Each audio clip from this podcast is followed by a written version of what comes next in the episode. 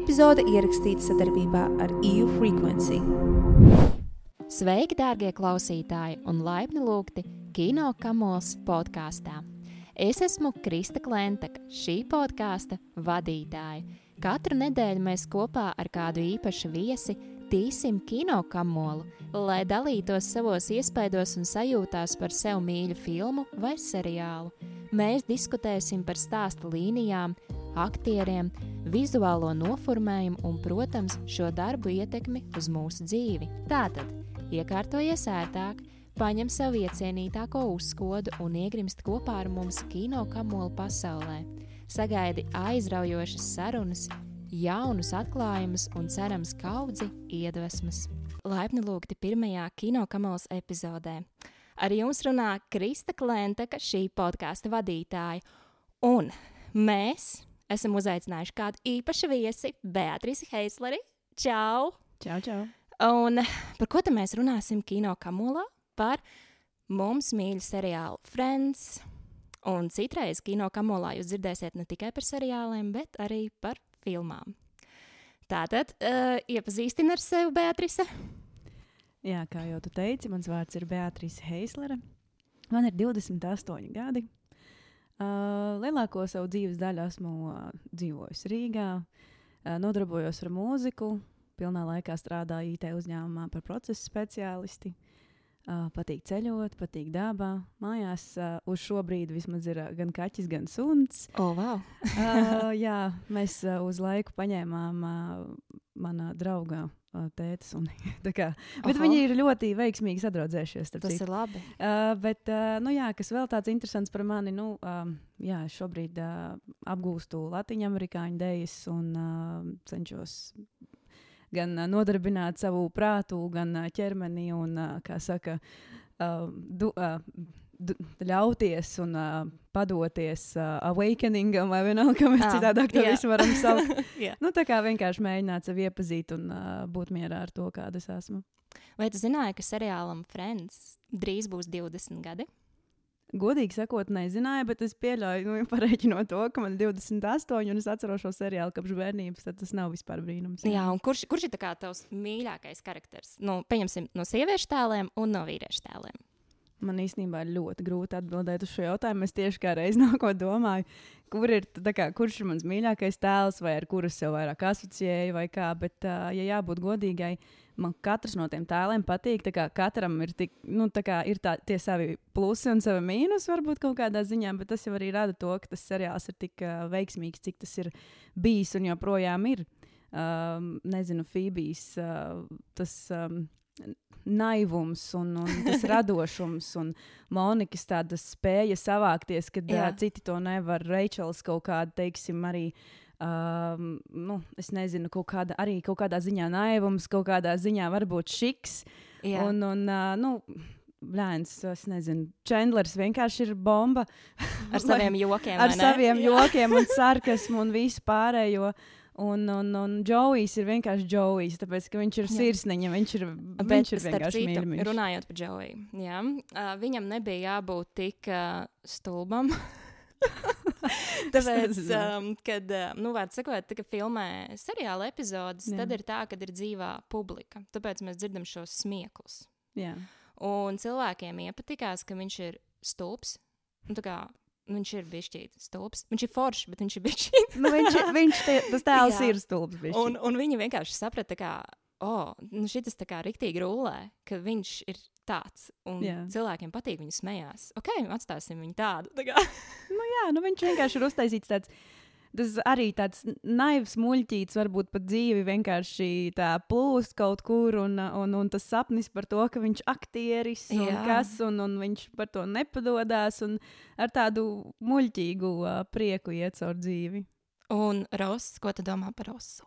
Nu, Rosam ir vienkārši izcilas frāzes, līdzīgi kā Chandleram. Ja Chandleram tas ir sarkasms, tad Ross ir vienkārši.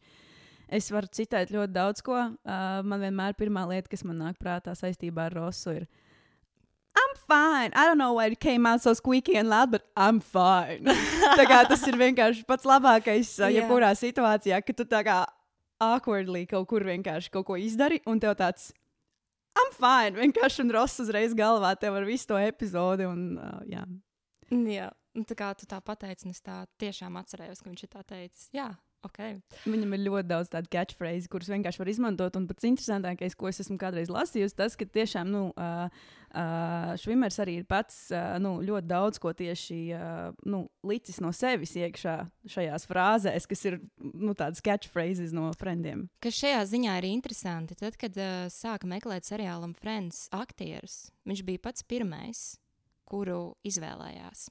Respektīvi, viņa loma un tas viss, uh, es pat esmu dzirdējusi, ka viņam speciāli šis tēls pat ir tā kā izveidots. Jā, jā. man Jā. liekas, ka tas bija arī tajā reunion, tajā Jā, r- sērijā, no sērija vai filma, vai kā viņi var nosaukt. nu, drīzāk tā kā epizode. Nu, jā, Nē, tā kaut kas tāds. viena no tām pēdējām epizodēm, Jā. saka. Jā, diemžēl, jā. Uh, bet um, runājot par seriālu Friends, ir vēl viena lieta, ko es uzzināju tikai vakar. Jo es, nu, pat cik mēs šodien tiekamies, tad es ievācu papildus info, un es uzzināju, ka seriālā Friends nebija jābūt sešiem galvenajiem tēliem. Vai tu varētu uzminēt, kuriem diviem bija jābūt tikai tādiem kā gadījuma tēliem, kas ik pa laikam parādās, bet nav katrā epizodē? Vai tu vari uzminēt, kur divi tie ir? Es tev neteikšu. Es pieļauju, sorry. es pieļauju, ka tā varētu būt Phoebe un um, Džolijs. Es arī tā būtu domājusi, tā kā, bet Chandlers. Chandlers. Jā. Ko? Jā, Viņam nebija jābūt tā kā katrai epizodē. nē. Man, man šķiet, to, ka nav epizode, kad nu, viņa nav. tā nav normāla Ak, epizode. Dievs, kurā tu esi viņa tik nav. pārsteigts, ka es tūlīt pārbaudīšu. Ak, Dievs! Nē, nē, nē, tā ir. Runājot par Chandleru, nesen mēs uzzinājām nepatīkamas ziņas, ka viņš diemžēl ir devies viņa saulē. Un tavas sajūtas, ka tu to uzzināji, kā tu jūties? Mm. Man liekas, ka tā bija kaut kāda ses- nē, svētdiena, tā laikam bija, jo tas bija 28. oktobris. Jā, es atceros no datumu.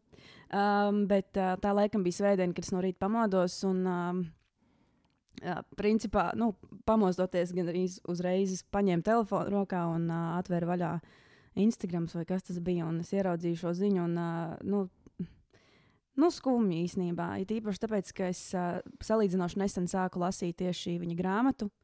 Un um, es tā kā, nu, es uh, sāku iedziļināties tajā, kam viņš ir gājis cauri dzīvē un viss. Un uh, tā grāmata, principā, nu, es tā kā negribu spoilot nevienam, Mm -hmm. bet tā grāmata, principā, sākas ar uh, to, uh, kā viņš stāsta, kā viņš, principā, ir no tā visa izķepurojies beidzot. Kad uh, Covid laikā viņam nu, pavisam slikti palika, ka viņš vēl bija nu, slimnīcā un viss. Un, nu, es negribu vienkārši par daudz pateikt. Jā. Uh, tiem, kas nav lasījuši, ja vēlās kāds lasīt. Starp citu, grāmata tagad ir iztulkota arī latviešu valodā. Jā, es vakar redzēju reklāmu, ka tieši Jā. ir iztulkot un ir iespējams pre-orders. Uh, bet jā, nu tā kā rīktīgi žēl. Tāpēc, kad man šķiet to, ka, uh, nu, varbūt ne Chandlers, bet uh, Matthew ir. Nu, Viņš man šķiet, ka dzīve bija diezgan nesaprasts. Un, uh, tas ir ļoti, ļoti žēl, to, ka uh, teiksim, mēs šobrīd jau varam teikt, to, ka nu, nebūs vairs nekādu reunionu, nekā, nekā tāda vairs nebūs īsti. Vienīgais, kas varbūt būs kaut kas par piemiņu veltīts, bet tur jau vairs nebūs viņš pats. Nu, līdz ar to tas vairs nebūs kā bija. Cik divus gadus atpakaļ mums bija šis reunions, kad visi vienkārši sahaipoja un bija tik forši uh, to visu paskatīties, kā viņi tagad izskatās, kā viņi atcerās to, kā bija tas live audience, kā tika tās filmēšanas veiktas un viss, un, un, un cik ļoti viņi satuvinājās. Tā kā, um, nu, es nevarētu teikt, varbūt, ka man tas satrieca.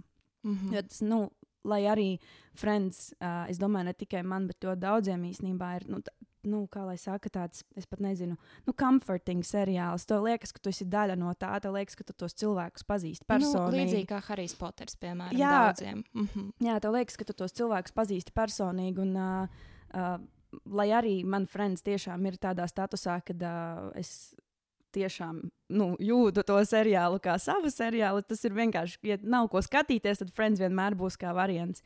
Tad uh, nu, es nevaru teikt, ka man satriec tā ziņa, bet uh, tas noteikti bija ļoti, ļoti bēdīgi. Mm -hmm. Jo, nu, ar, es, kā, kā es teicu, sāku to grāmatu lasīt, un līdz ar to ar visu to, ko viņš, gāj, viņš ir gājis cauri, tas ir, viņš pats minēja to, ka tas ir brīnums, ka viņš ir tik ilgu mūžu nodzīvojis, principā. Vai ne? Mums liekas neilgu. Vai ne? Mums liekas, neilgu, jā, un Mm. it kā, nu, cik 54 gadi. Mm. Uh, tas ir pusmūžs. Vēl tik daudz ko pieredzēt un piedzīvot, bet uh, viņš dzīvoja ātri. Un, un, un uh, Un aizgāja arī salīdzinoši ātri. nu, jā. Jā. Kas man personīgi nepatika, ka tad, kad uh, viņš devās mūžībā, tad paparācija bija sabraukuši pie viņa mājas, un uh, viņa vecāki nezināja, nu, es nezinu, vai viņi zināja, ka viņš ir miris, bet katrā ziņā detaļas viņi nezināja. Mm. Un uh, viņa devās pie viņa uz mājām, lai noskaidrotu līdz galam, kas ir noticis. Un paparācija visu to momentu filmēja un bildēja, kā viņi ir mašīnā, kā, kā viņi pārdzīvo. Nu, jā, tas nav ok.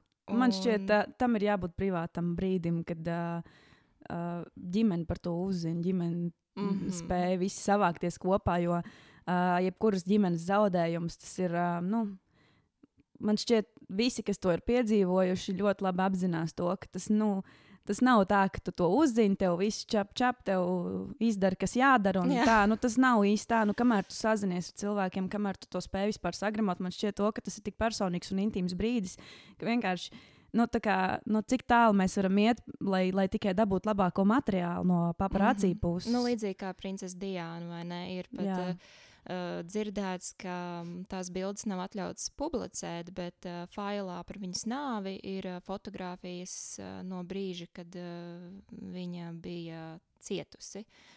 Uh, pēdējie momenti, ja, un um, jā, paparācī tas jau ir uh, cits stāsts. Bet runājot par seriālu Friends, um, man arī tas ir kā komforta seriāls.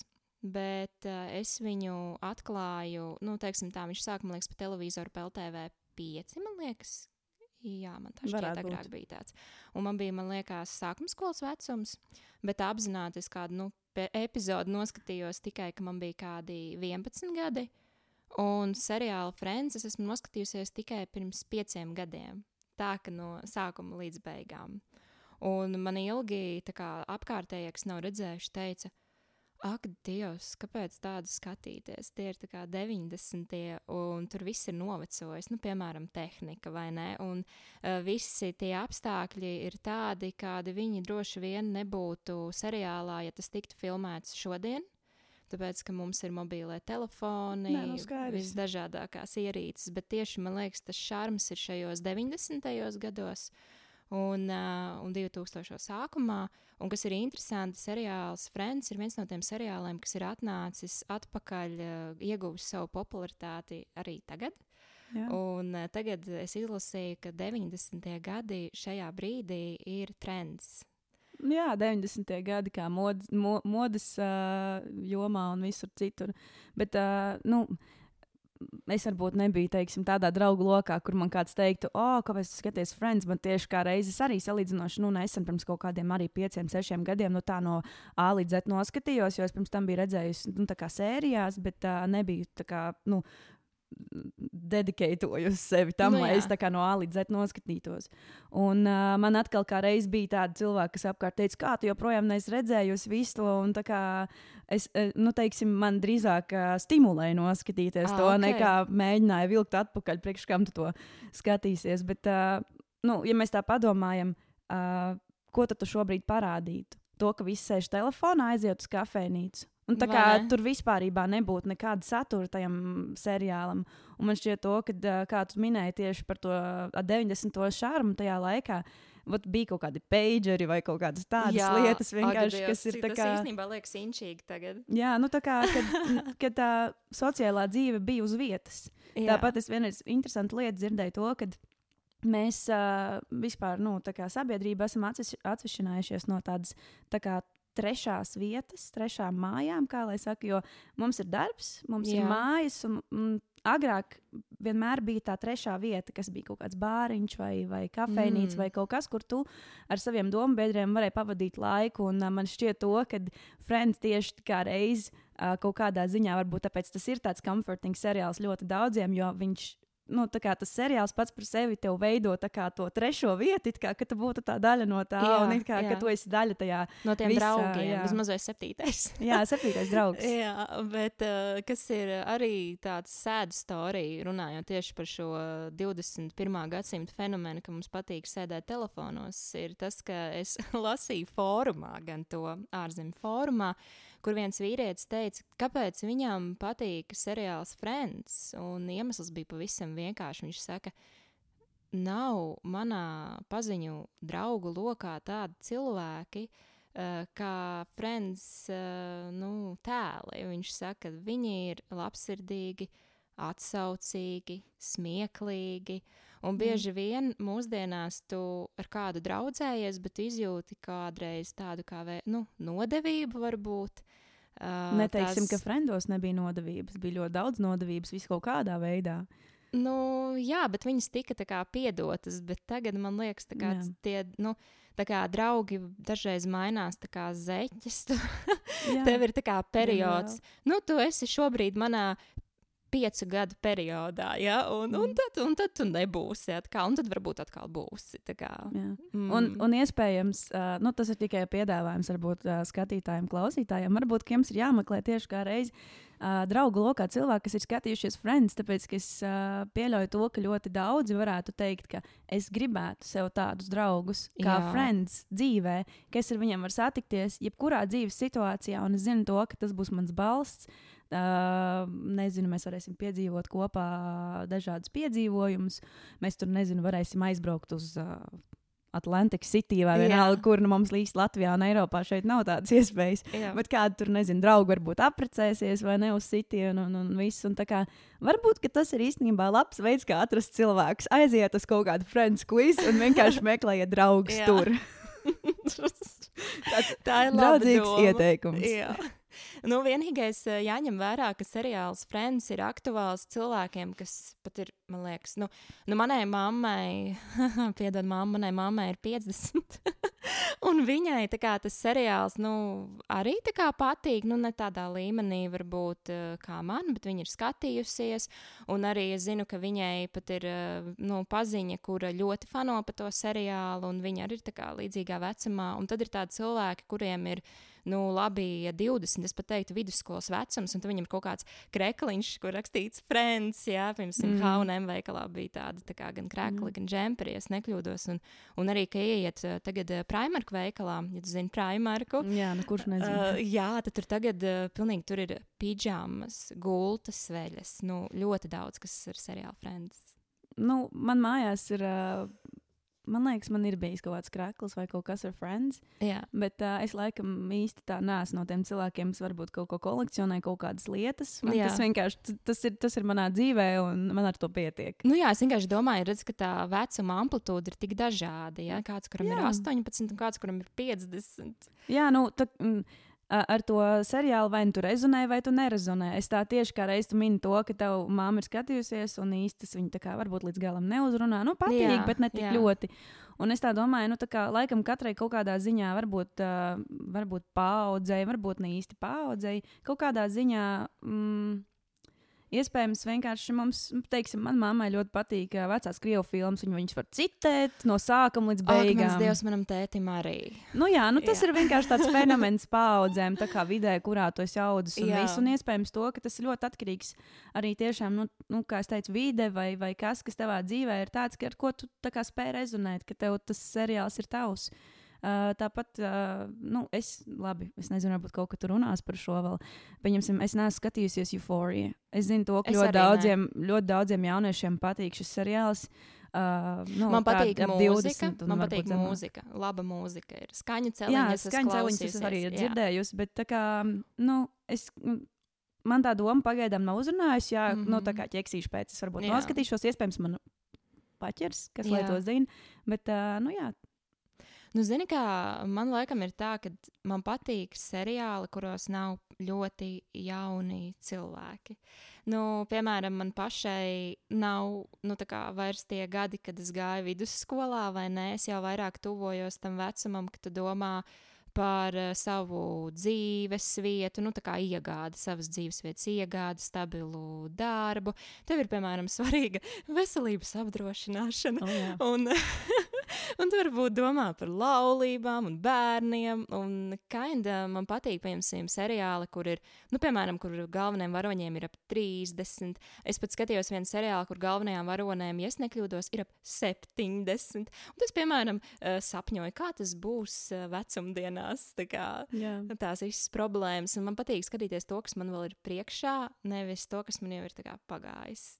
Tas ir priekš manis. Tas, um, Nu, droši vien kādreiz gribās to nostalģiju, kaut kādu high school musical vai kaut ko noskatīties. Bet viņš tagad vairs nav skatāms.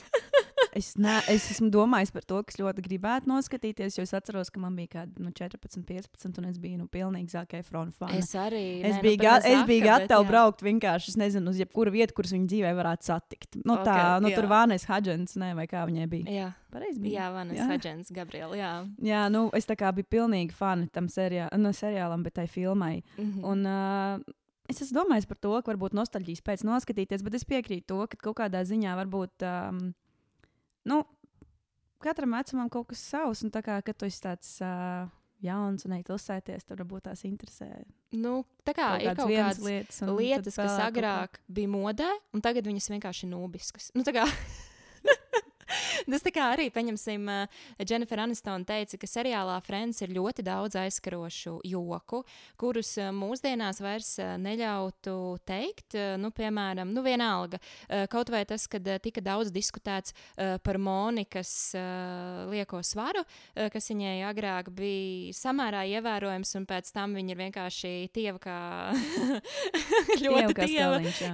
Jā, un nu, ka daudzas lietas vienkārši arī mūsdienās vairs nemaz nebūtu ētiski filmēt. Viņas pat netiktu apspriestas, jo tas nebūtu scenārijā. Tas aizskar to, aizskar šito, aizskar vēl kaut ko, un mūsdienās tas ir ļoti populāri. Nedrīkst nevienu aizskart. Vienalga, kāda Nedrīkst nevienu aizskart, tā ir viena Jā. lieta, jā, bet uh, nu, labi to, ka viņi vēl nav atcēluši. Jā, no tāda skatu Dievs, punkta. Jā, Jo uh, agrāk, kaut vai tie 2000 filmas, visi tie, kas tur bija pa čiks un nezinu, kāda tur tās tie džeki, kas tur pa blondīniem pārģērbās un vēl nezinu, kāds cits.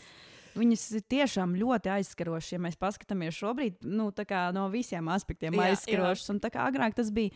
Bet man šķiet, ka joprojām, nu, tā kā, jā, nevajag aizskart, bet ir lietas, par kurām var pasmieties, un ir lietas, par kurām, tā kā, Uh, man šķiet, ka Friends arī ir nu, tāds seriāls, kurā viņi paši var, viņi arī paši pasmējās par sevi kaut kādos Nu brīžos. un Tas, kā, nu, tas ir pietiekami labā balansā, lai uh, nu, nebūtu varbūt pārāk aizskroši vai kaut kā. Jo Mhm. uh, par to pašu reunionu, pie kā mēs uh, pieskarāmies, nu, cik daudz tajā reunionā. Uh, Tajā epizodē no visām pasaules valstīm cilvēki teica, ka uh, jā, šis ir comforting seriāls, la, la, O, la. jā. Mhm. Un, um, nu, tā kā, kāpēc viņi to neuztver aizskaroši? Viņi, Tieši tie tā. ir visdažādāko reliģiju un rasu pārstāvji. Mhm. Tad, nu, tā kā acīm redzot, tas līdzsvars ir pietiekoši ok. Bet uh, es piekrītu par to, ka ļoti daudz, uh, ir daudz gan Chandleram, Chandleram ir daudz joki, un, un par to pašu Moniku lieko svaru un visu. Mhm. Tā kā jā, šodien vairs tādu neuztaisīsi. Šodien vajadzētu citādāk. Man ir tā sajūta, ka 21. gadsimtā cilvēki ir ļoti emocionāli. Uh, tagad ir uh, arī tas uh, brīdis, kas agrāk es viņu neizjūtu, bet tieši šobrīd, uh, kad ir parādījušies visādi life coach un uh, nu, kā, uh, tiek runāts par tādām nu, tēmām, kas ir vairāk psiholoģiskas, un agrāk tas tā nebija. No vienas puses tas ir super labi, jo, piemēram, ja cilvēkam ir depresīvs, to vairs neskatās tā kā, oh, my God, viņš ir pilnīgi kuku, kuku banānas. Jā. Bet tāpat, tāpat laikā citreiz liekas, atkal, ka ir tas viss pa daudz. Tas ir tāds mans subjektīvais viedoklis, bet jā, man tas viss bija šķīt tā kā pa daudz. nu, ir, ir, ir balansam jābūt. Jebkurā gadījumā vat, mans lieliskais Aristoteļa citāts - zeltvīdas ceļš. Jā. jā, Atceros, uh, starp citu, es mācījos Latvijas Universitātē. jā. Um, uh, EZFā bija. Um, Ak, vai es tūlīt tās, uh, es negribu pateikt nepareizi, vienmēr sakot, bija profesora uh, par ētiku. Uh, Skaidrīte, Lāsmana. Lāsmane. Jā. Jā. Es atceros, vienreiz lekcijā tieši kādreiz pateicu, tā kā Aristoteles un Zelta vidusceļš. Mēs, man liekas, runājam kaut ko saistībā par patriotismu vai kaut ko tādu. Mm -hmm. Un, viss, un nu, tur tā diskusija gāja, Jā. Nav svarīgas detaļas un viss, bet zelta vidusceļš ir uh, jāmāk parunāt par to, kad es slikti jūtos, ir jāmāk uh, tā kā saredzēt, ka kāds cits slikti jūtās, bet vajag arī mācīt par lietām, nu, tā kā pasmieties kādreiz un visu. Un kā, Un man liekas, ka, ja mēs skatāmies uz, nu, ja būtu tāda līnija, kur būtu šis balans, tad man liekas, ka eh, tas, par ko es jau iepriekš runāju, ir tas, ka mēs esam pārkāpuši tajā līnijai, un tas zelta vidusceļš, nu, vairs nav tas zelta vidusceļš. nē, tur ļoti tālu no zelta vidusceļa. Jā. Un, un, ja jāskatās, tad, nu, Friends iespējams ir nu, tādā Tas ziņā kaut zelta kā, vidusceļš, manuprāt. kaut kā jāspēj Jā. kaut kā izlīdzināt gan to, ka paši pas, spēj pasmieties par sevi, gan arī atbalstīt un saredzēt to, ka kādam citam nav labi. Un, un tā. Jā. Bet, nu, diemžēl, uh, Bet ironija seriālā, dzīvē. bet seriālā Friends arī var gūt kaut kādas um, dzīves atziņas. Nu, piemēram, pirmajā, ja es nekļūdos, tā bija pirmā epizode. Reičela ieskrien kafejnīcā, un viņai ir kāzu kleita, un Jā. Viss slikti. Un tagad viņa ir izdomājusi no ar citu gan iniciatīvu un ierosinājumu atteikties no sava tēva finansiālā atbalsta. Un viņa tagad sāk šo patstāvīgo dzīvi, un viņai arī tas vecums, nu, galīgi vairs nav 19 vai 22. Es tagad nepateikšu, cik, bet man liekas, ka pie 30, ja es nekļūdos.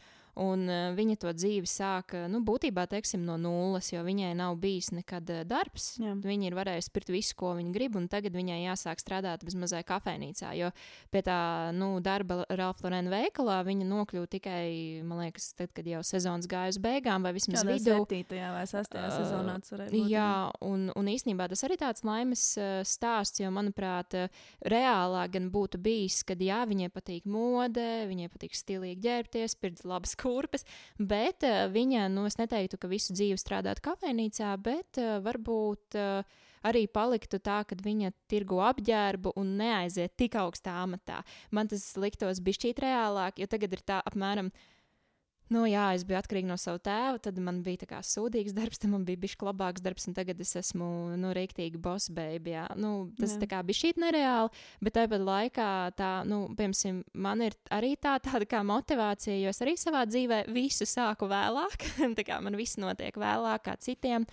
Un, uh, Nu, nu jā, un šāds tēls man liek justies komfortablāk, un es nejūtos kā kaut kāda uh, nu, tā kā neveiksmīga persona. Jo, piemēram, tas pats Instagram, ja nu, tu, piemēram, skrolo, o, oh, tam ir bērns, o, oh, tam ir augsts amats. Un tad, un tad es to. Un, nu, kā, un tas ir tu, kas, kas savā dzīvē vēl meklē kā savu vietu, vai ne? Nu, Jā. respektīvi, respektīvi es, kas meklē savu vietu, un, un tad es jūtos varbūt tā nelāgi, bet tad es pastos tādu seriālu, kur ir Eičela, un es jūtos. Jā. nedaudz labāk. Jā, un ir labi tas, ka uh, Frendos uh, tieši kā reiz arī parāda, nu, kā, kad šis seriāls tev uh, spēj dot to kaut kāda veida mierinājumu un uh, atbalstu šajā. Tāpēc tas viss tiek vienkārši parādīts uz paplātes, jo nevienam jau nav ideāla dzīvē. Un tas cilvēks, mm -hmm. kuram ir uh, kaut kāda viena sasnieguma, iespējams, nav cita sasnieguma. Tieši un, tā. un, un, un varbūt tas cilvēks, kurš strādā augstā amatā, īstenībā ir izdedzis darbā. Vai vientuļš? vai vientuļš, vai visādi mm. citādāk. Un, uh, jā, es tev piekrītu, to, ka ir uh, forši, kad ir tie, uh, tie tēli un tās dzīves atziņas, kad uh, ir ok, kā ir. Un, uh, Jā. katram, ir, katram ir kaut kāds savs temps dzīvē, kā iet uz priekšu. Un uh, nav jājūtās slikti, ja tu vēl kaut ko meklē. Es, ne, es, es melošu, es teikšu to, ka es uh, uh, esmu tajā dzīves posmā viss tagad līdz beigām. Jā. Jo uh, nu, man šķiet, uh, ar, ar visu laiku, kurā mēs esam, uh, ka tik ātri viss kaut kas mainās. Uh, Nevelti ir jau pētījumi uztaisīti to, ka jaunākās paaudzes mainīs profesiju pa dzīvi līdz pat uh, septiņām reizēm.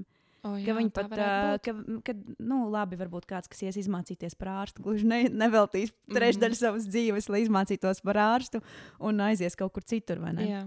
Bet uh, nu, tādā ziņā, ka um, man šķiet, nu, šīs pārmaiņas, šī, uh, šī tempa ātrums. Uh, Katram savs, un, un, un labi, ka ir tāda tā, Un viena lieta, dod. ko es esmu ievērojis, ir tā, ka tad, kad cilvēks jaunībā kaut ko sasniedz, nu, kaut vai ņemsim kaut kādus superslavenus uh, cilvēkus, pa piemēru, nu, piemēram, labi, nu, Makalīs Kalkins, laikam, ir no 11 mājās aktieris, ja Jā. nekļūdos. Jā, un, un viņš uh, ļoti aktīvi filmējās bērnībā.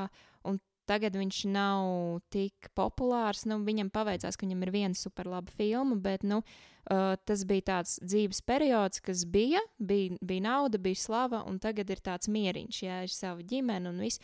Un tas, ko es gribu ar to pateikt, ka mēs bieži vien skatāmies, o, tas ir sasniedzis to, tas ir sasniedzis mm -hmm. šito, bet varbūt Ne, nu, uz to nav gluži tā jāskatās, jo citreiz dzīve iedalās tādos kā periodos, un tas, kad viens ir, piemēram, kaut ko dara gadus desmit, nenozīmē, ka tu sāksi 40 gados un nedarīsi to gadus 20. Jā. Saproti, tas, nu jā, tas ir tas, kā es uz to skatos. Jā, Jā, nu ir cilvēki vienkārši, kuri, pieņemsim, pamaina kaut ko dzīvē, mm. -hmm. atrod kaut kādu savu īsto aicinājumu un vienkārši šādi spēj nonākt no punkta Jā. A līdz punktam B, kur cits ir vienkārši pavadījis ļoti daudz laika to apgūstot. Un varbūt tas pat nav īsti tā cilvēka kaut kāds aicinājums, un viņš Jā. atmet ar roku un pasaka, nē, es gribu kaut ko citu. Nu jā, šeit ir labs piemērs, manuprāt, ir par, ja mēs runājam par seriālu Friends, tad par Džoiju, kad eh, tā viņa kaislība ir būt aktierim. Un viņš var filmēties gaužām sliktās reklāmās, ja tu atceries, bija tā par to lūpu krāsu zilo. Zilā lūpkrāsa, un vēl bija arī tas posters šajā vilcienu stācijā, kur viņam bija slimība. Un, uh, nu, tur viss pēc kārtas bija. Bet arī, starp citu, Chandlers, viņš skaties visu dzīvi nodzīvo, no, nodzīvoja, strādājot par, par finansēm. Jā. Joprojām nezinu, ko viņš darīja līdz galam. Kaut kas bija par finansēm. es Neviens atceros, nekad ka viņš oficiālā strādāja, brauc kaut kādos komandējumos. Neviens nezina joprojām, Jā, ko jā. viņš darīja. Bija kaut kāda datu statistika, kaut kas tam līdzīgs. Jā. Un pēc tam vēlāk aizgāja uh, reklāmā un arī. Uh, Aizgāja kā interns, sāka domāt vispār ārprāts vienu vienīgu jauniešu apkārt, bet beigās mm. Viņu taču paņēma kā junior spe nu, speciālistu. jā, Un uh, arī cilvēks, kuram vienkārši padavās tādas lietas, un arī samainīja sa- pāri 30 gadiem, liekas, oh, pāri 30 man ir jābūt visam dzīvē sakārtotam, man tur jābūt ir mājai, vīram, sunim, bērniem, trīs un, un jau pensijas fondam jau gatavam. nu, kā, jā, jā, jā, maksāt katru mēnesi papildus, vēl, lai krājās. Tas tā kā ka tev baigi daudz štukas, ir tad, kad jā, jā, 50 vai cik gados. Jā. Bet ko es gribēju teikt, jā, runājot par to, man liekas, uh, Ross varētu būt tas, kas ir līdzīgi kā tu teici, kad akteris mācās ilgi, ilgi. Nu, tad man liekas, ka viņš arī savā profesijā ir tas, kurš nemainītu profesiju. Nu, ja mēs skatāmies no visiem sešiem, tad Jā, bet viņam arī tā ir kaislība kopš bērnības. Jā. Nevelti viņam bija, um, tas bija laikam uh, Reičelai, uh, bija viņas boss Blumbergā vai kaut kur, uh, kur uh, dēls uh, Ross arī kādreiz bija, kurš bija ļoti uh, uh, par un ap dinozauriem, un uh, viņš toreiz uh, aizveda viņus uz to muzeju un Jā. visu pārējo, un vēl tur tām olām bija kaut kāda apmaiņa, un kas tur vēl nebija, lai Jā, tikai. Reičela varētu paturēt darbu, un tad nepaturēt darbu, un kas tur Jā, tur visādi drāma bija tajā sērijā. Bet um, nu, jā, tā viņam bija kaislība arī kopš bērnības. Viņš vienmēr bija uh, par un ap dinozauriem. Viņam šausmīgi tas patika. Līdz ar to es domāju, ka tas ir vienkārši kā no bērnības gāja. Tā, jā, tā jā. izgāja. jā, var notikt arī tā. Jā, kādam ir paveicies atrast kaut ko ātrāk kā citiem. Uh, tas tāpat kā Monikai šī kulinārija. Uh, man liekas, arī tāds veiksmes stāsts, jo viņa daudz gatavoja mājās, nu tur viss kaut kāda ēdiena. Un tad viņa, ja es nekļūdos, kļuva ļoti labā restorānā par šefpavāru. Pareizi. Uh, viņa, man liekas, sākumā arī bija kā mm, pavāra Bet palīgs. kaut kas mazāk, kur kaut kas mazāk jā, bet- svarīgs. Jā, jā. Bet, uh, jā, nu arī, teiksim, es, uh, nu, es, es precīzi tā neatceros īstenībā, ja jābūt godīgai. Tur tajā sākumā man šķiet, ka viņi strādāja virtuvē, bet uh, vēlāk, jā, viņi kaut kā tā veiksmīgi tika pie tā šefpavāra uh, amata. Mm -hmm. Bet, ja mēs runājam par naudu, tad uh, apfēbe, ko viņa darīja? Viņa bija masiera, viņa muzicēja pārsvarā pa brīvu, bet uh, viņa, man liekas, uh, viņa arī. Kā, Bet nes ar cik, to- nes cik ienesīgs bija tas darbs, jo man viņa likās, kā viss, nu labi, Reičela varbūt arī nav tas labākais variants, jo man liekas, ka viņa, nu tāds starp uh, sūdīgu darbu, bezdarbnieku un tad uh, veiksmes stāsts, ja, nu tā. Bet uh, man liekas, Fēba arī bija tā kā, kad viņa varētu būt vienīgais tāds varonis, nu, labi, Džovijs jau var nekļūt par Bredu Pitu, bet uh, kas, nu, tā kā kaut kā šļūca pa dzīvi, bet bija labi, kā bija. Jā. Nu, viņa nebija Viņai nauda nebija, karjeriste, jā. nauda nebija svarīgākais. Vienīgais, kur parādījās uh, tas naudas aspekts, bija uh, viena sērija, kurā. Uh, Man liekas, ka Reičela, Džovijs un uh, iešanu saprata, jā? jā, Jā. saprata to, ka Ejam viņi vairs nosvinēt visu kaut ko, vai ne? Un tu kā restorānā, ka tev tā kā nav, tu nevari atļauties iet uz tik dārgiem restorāniem. Vai Nu ne? jā, tu to ja tev- epizodu domā? Jā, jā, jā kur uh, viens tur tiek pie, nezinu, paaugstinājuma, ejam nosvinēt, citam dzimšanas dienu, ejam nosvinēt, tad vēl tur vajag kaut kādas biļetes uzdāvināt, vēl kaut ko. Un, uh, man šķiet, ka li lielākoties Latvijā visi saprot to strāglu. Un tā kā tev Jā, gribās, tev gribās Dievs. iet un nosvinēt un vispārējo, bet. Uh, Nu, bet zini, kas ir lielākais uh, šīs nu, pensijas? Mēs varbūt, nu, es nezinu, vai tu esi sākusi jau par to domāt. Es domāju par to, ka, nu, piemēram, mana māma saka, ka, oh, vācu pensionāri, nu, tā kā naudiņa ienāk, ceļo. Viss ir čikpīgi, un tad es tuks ir no Latvijas.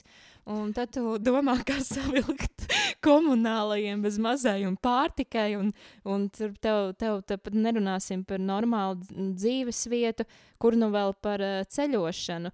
Un, Jā. man liekas, tas ir tāds temats, mēs visu kaut kādas tēmas paceļam, tur mana balss, kur tur vāc visu kaut kam, uh, bet uh, kāpēc mēs vairāk nekliedzam par šīm pensijām? Jo tā ir aktuāla problēma pilnīgi visiem cilvēkiem, kuriem varbūt nav rados kāds bagāts uh, onkolis, kurš var tev kādu miljonu atstāt, ja? bet tā ir problēma. Tā kā... Nu, tā ir problēma. Jā, es būšu godīga. Es esmu, es pagājušo gadu pēc dzimšanas dienas sapratu to, ka um, ir is time. Un tā Kā, kad, kad es esmu gatava, Jā. maz naudu, bet es esmu gatava sākt kaut ko atlikt priekš sevis. Jā. Un ņemot vērā, nu, ka vismaz no tāda skatu punkta valsts nāk pretī par to, ka tev atgriež nodokļus Jā. par trešo pensijas līmeni. Uh, tas, ir, tas ir tas labais aspekts. Tā ir mana vienīgā veida investīcija manā nākotnē. Es neesmu sākusi spekulēt ar nekādām akcijām vai ko, lai gan es to gribētu. Um, bet, uh, nu jā, pensijas. Nu, jā, es tā kā arī atlieku katru mēnesi dešuku, lai nopirktu kaut ko, vai samaksāt par pārtiku. Vecumdienās. Nu, Dievs. Nu, tas ir īstenībā bēdīgi. Jā. Tas ir bēdīgi, bet Amerikā, starp citu, nav pensijas, tur kaut kas ir citādāk. Es pat nezinu, kā. Jā, es to Amerikā nesen uzzināju, kā, ka viņiem nemaz nav tā, ka pensijas, viņiem tur ir cita sistēma, viņiem viss ir citādāk. Viņiem pavisam viss ir citādāk. Jā. Man liekas, ka viņiem pat nav īsti tādi. Nu, proper atvaļinājuma dienas viņiem ir, nu, tā kā, ja tu gribi ņemt brīvu, Tad tu tu vari ņemt brīvu, mm. -hmm. bet tev par to nemaksā. Tā kā, un, starp citu, arī man ir varbūt kaut kādā veidā tas, tas, tas prieks, vai kā citādāk. Man ir bijusi liela saskara ar ārzemju kolēģiem un par tādu pašu bērnu kopšanas atvaļinājumu Latvijā. Gads pusotrs, tas mm Mhm. -hmm. ir ļoti daudz. Ir citur, va- citas valstis, kur ir trīs mēneši un atpakaļ strādāt. Ja vienīgi tu negribi sēdēt un nesaņemt naudu nekādu. Nu, tā kā vienkārši sēdi mājās, un ja tev kāds var Nu, tad mēs tomēr esam privileģēti. Vienkārši Mēs esam summas privileģēti. nav tik lielas. Jā, nu, Jā. protams. Bet uh, nu, ir Tad savi viedi. plusi, ir kaut kādi mīnusi. Jā, Viss labi. jā Oh. viss, viss tehniski notiek. Ziniet, kā pirmā kino kamols epizode un ar tehniskajām lietām sievietēm varbūt neiet tik labi kā vīriešiem. Uh, jā, un, un var runāt par tehniskām lietām. Um, Kurš no varoņiem, tavuprāt, varētu mūsdienās veidot savu podkāstu? Nu, iedomāsimies, kad seriāls ir 21. gadsimtā, nevis kad viņi sāka filmēt, tūlīt pastīsimies 1994. gads. Kā tev šķiet, vai no mūsdienu profesijām, kas ir influenceris, podkāstu vadītājs, un es pat nezinu, kas vēl tagad ir tāds moderns Mhm. sociālo tīklu redaktors, vai kāds no varoņiem varbūt izvēlētos šo profesiju? Es domāju, to, ka, ja Chandlers uztaisītu podkāstu, es noteikti būtu uh, pirmais klausītājs. nu, varbūt ne gluži pirmais klausītājs, bet jā, man liekas, Chandler tēlam būtu vienkārši izcils podkāsts. Um, bet, uh, ja tā jāskatās, kurš to varētu varbūt darīt, um, es esmu kaut kur, nu, tā kā Chandlers, nu, tīri teorētiski viņš tā kā pēdējais, ko viņš darīja, bija reklāmā, tad varā, varētu būt. Īsnībā, jā. Tīri teorētiski. jā. Uh, bet um, es esmu kaut kur pa vidu starp uh, Rachel, Joey un Phoebe. Tā kā Īsnībā, man ja liekas, domāju, varētu Phoebe būt būtu tāds- tik inčīga influenceri. Viņa būtu ļoti interesanta. Ļoti, Tā jā, jā. 21. gadsimtā man šķiet, ka viņa varētu būt. Nu, Jā, nu tāda um, kaut kur pa dzīvi, iespējams, tas pats life coach. Jā. Jā, varbūt, viņa, jā. pa, varbūt viņa būtu līdzīga, ja tu esi um, redzējusi, tagad uh, tik, no TikTok uh, nāk Aida. Nē, nē, Tiešām nezinu. nezinu. Nē. Man, man šķiet, to, ka viņa ir nu, diezgan jau tāda ikona uh, Mm. Latvijas TikTokā. Uh, Aida, kur uh, angļu valodā vienkārši saka pozitīvas lietas, nu, tā kā, teiksim, nezinu. Uh, Nezinu, tur ir jālīst lietam, lai vēlāk spīdētu saule, un tādā veidā mēs oh, augam. Jā, skaisti, Un, jā. uh, viss, un, protams, daudz uz to skatās ar tādu, um, kā saka, nu, ar, caur tādu krinģu bišķiņu. Mm. -hmm. Bet, uh, ja jābūt godīgai, īsnībā tas, uh, tas saturs, ko Aida, Aida veido, Mhm. paldies Aidai. tā kā reizēm vienkārši man uzpeld viņas video, un es tā domāju, vārds. Nu, es nezinu, cik viņai gadi, neko, un tā, tā Mhm. nav man darīšana, bet uh, tāda pozitīva sieviete. Un viņai vienalga, viņa tāda varētu būt Phoebe. Jā, īstenībā tā taisnība. Jā. Un Man liekas, ka Fībija būtu tas cilvēks, nevis kurš iet apgūt profesiju tīri akadēmiski, bet viņi varētu braukt pie kaut kādiem tiešām kočiem. un tad Tā, kā, jā. Jā, tā tev taisnība. Jā. Bet uh, kas seriālā Friends varbūt ir tāds, kas tev nav paticis? Vai tu atceries kādu momentu, kas tev tā kā liekas, nu, tā kā, what the fuck, kas tas ir? Es būšu godīga, man nenāk prātā nekas tāds, kas man šausmīgi nebūtu paticis. Nu, piemēram, daudziem uh, nav paticis, ka Reičela bija kopā ar Džoiju mazu mirklīti. Nē, man tas likās interesants pavērsiens. Um, kaut kādā brīdī vajadzēja būt vēl kaut kādam citam pārim, kas uh, uztais mazliet spriedzi. Jā, Uh, nebūtu bijis uh, Reičels un uh, Džovija kopā būšana, nebūtu arī bijis uh, Margarita vakars ar uh, I'm fine. Tā kā tas viss ir uh, forši, un uh, tomēr arī, man liekas, Reičels un Rosa attiecībām tas bija ļoti vajadzīgs to, ka uh, tomēr viņi katrs padzīvo kaut kādu savu dzīvi mm -hmm. un uh, nonāk atpakaļ viens pie otra. Uh, bet tas man tiešām nenāk prātā nekas tāds, kas man šausmīgi nebūtu paticis. Uh, ja mēs runājam par tādām attiecībām, tad varbūt man kaut kādā veidā likās pilnīgi nevajadzīgi tas, ka Ross sagāja ar Dženīs vienu nakti. oh, tas man likās ļoti tā. Nu, tā Ak, kā, Dievs, es pilnīgi aizmirsu kaut ko tādu. jā, nu, tā kā man likās ļoti nu, tā kā ironiski kaut kādā ziņā, bet O, uh, man tas likās varbūt nevajadzīgi kaut kā. Bet uh, citādāk man nenāk nekas tāds ļoti prātā.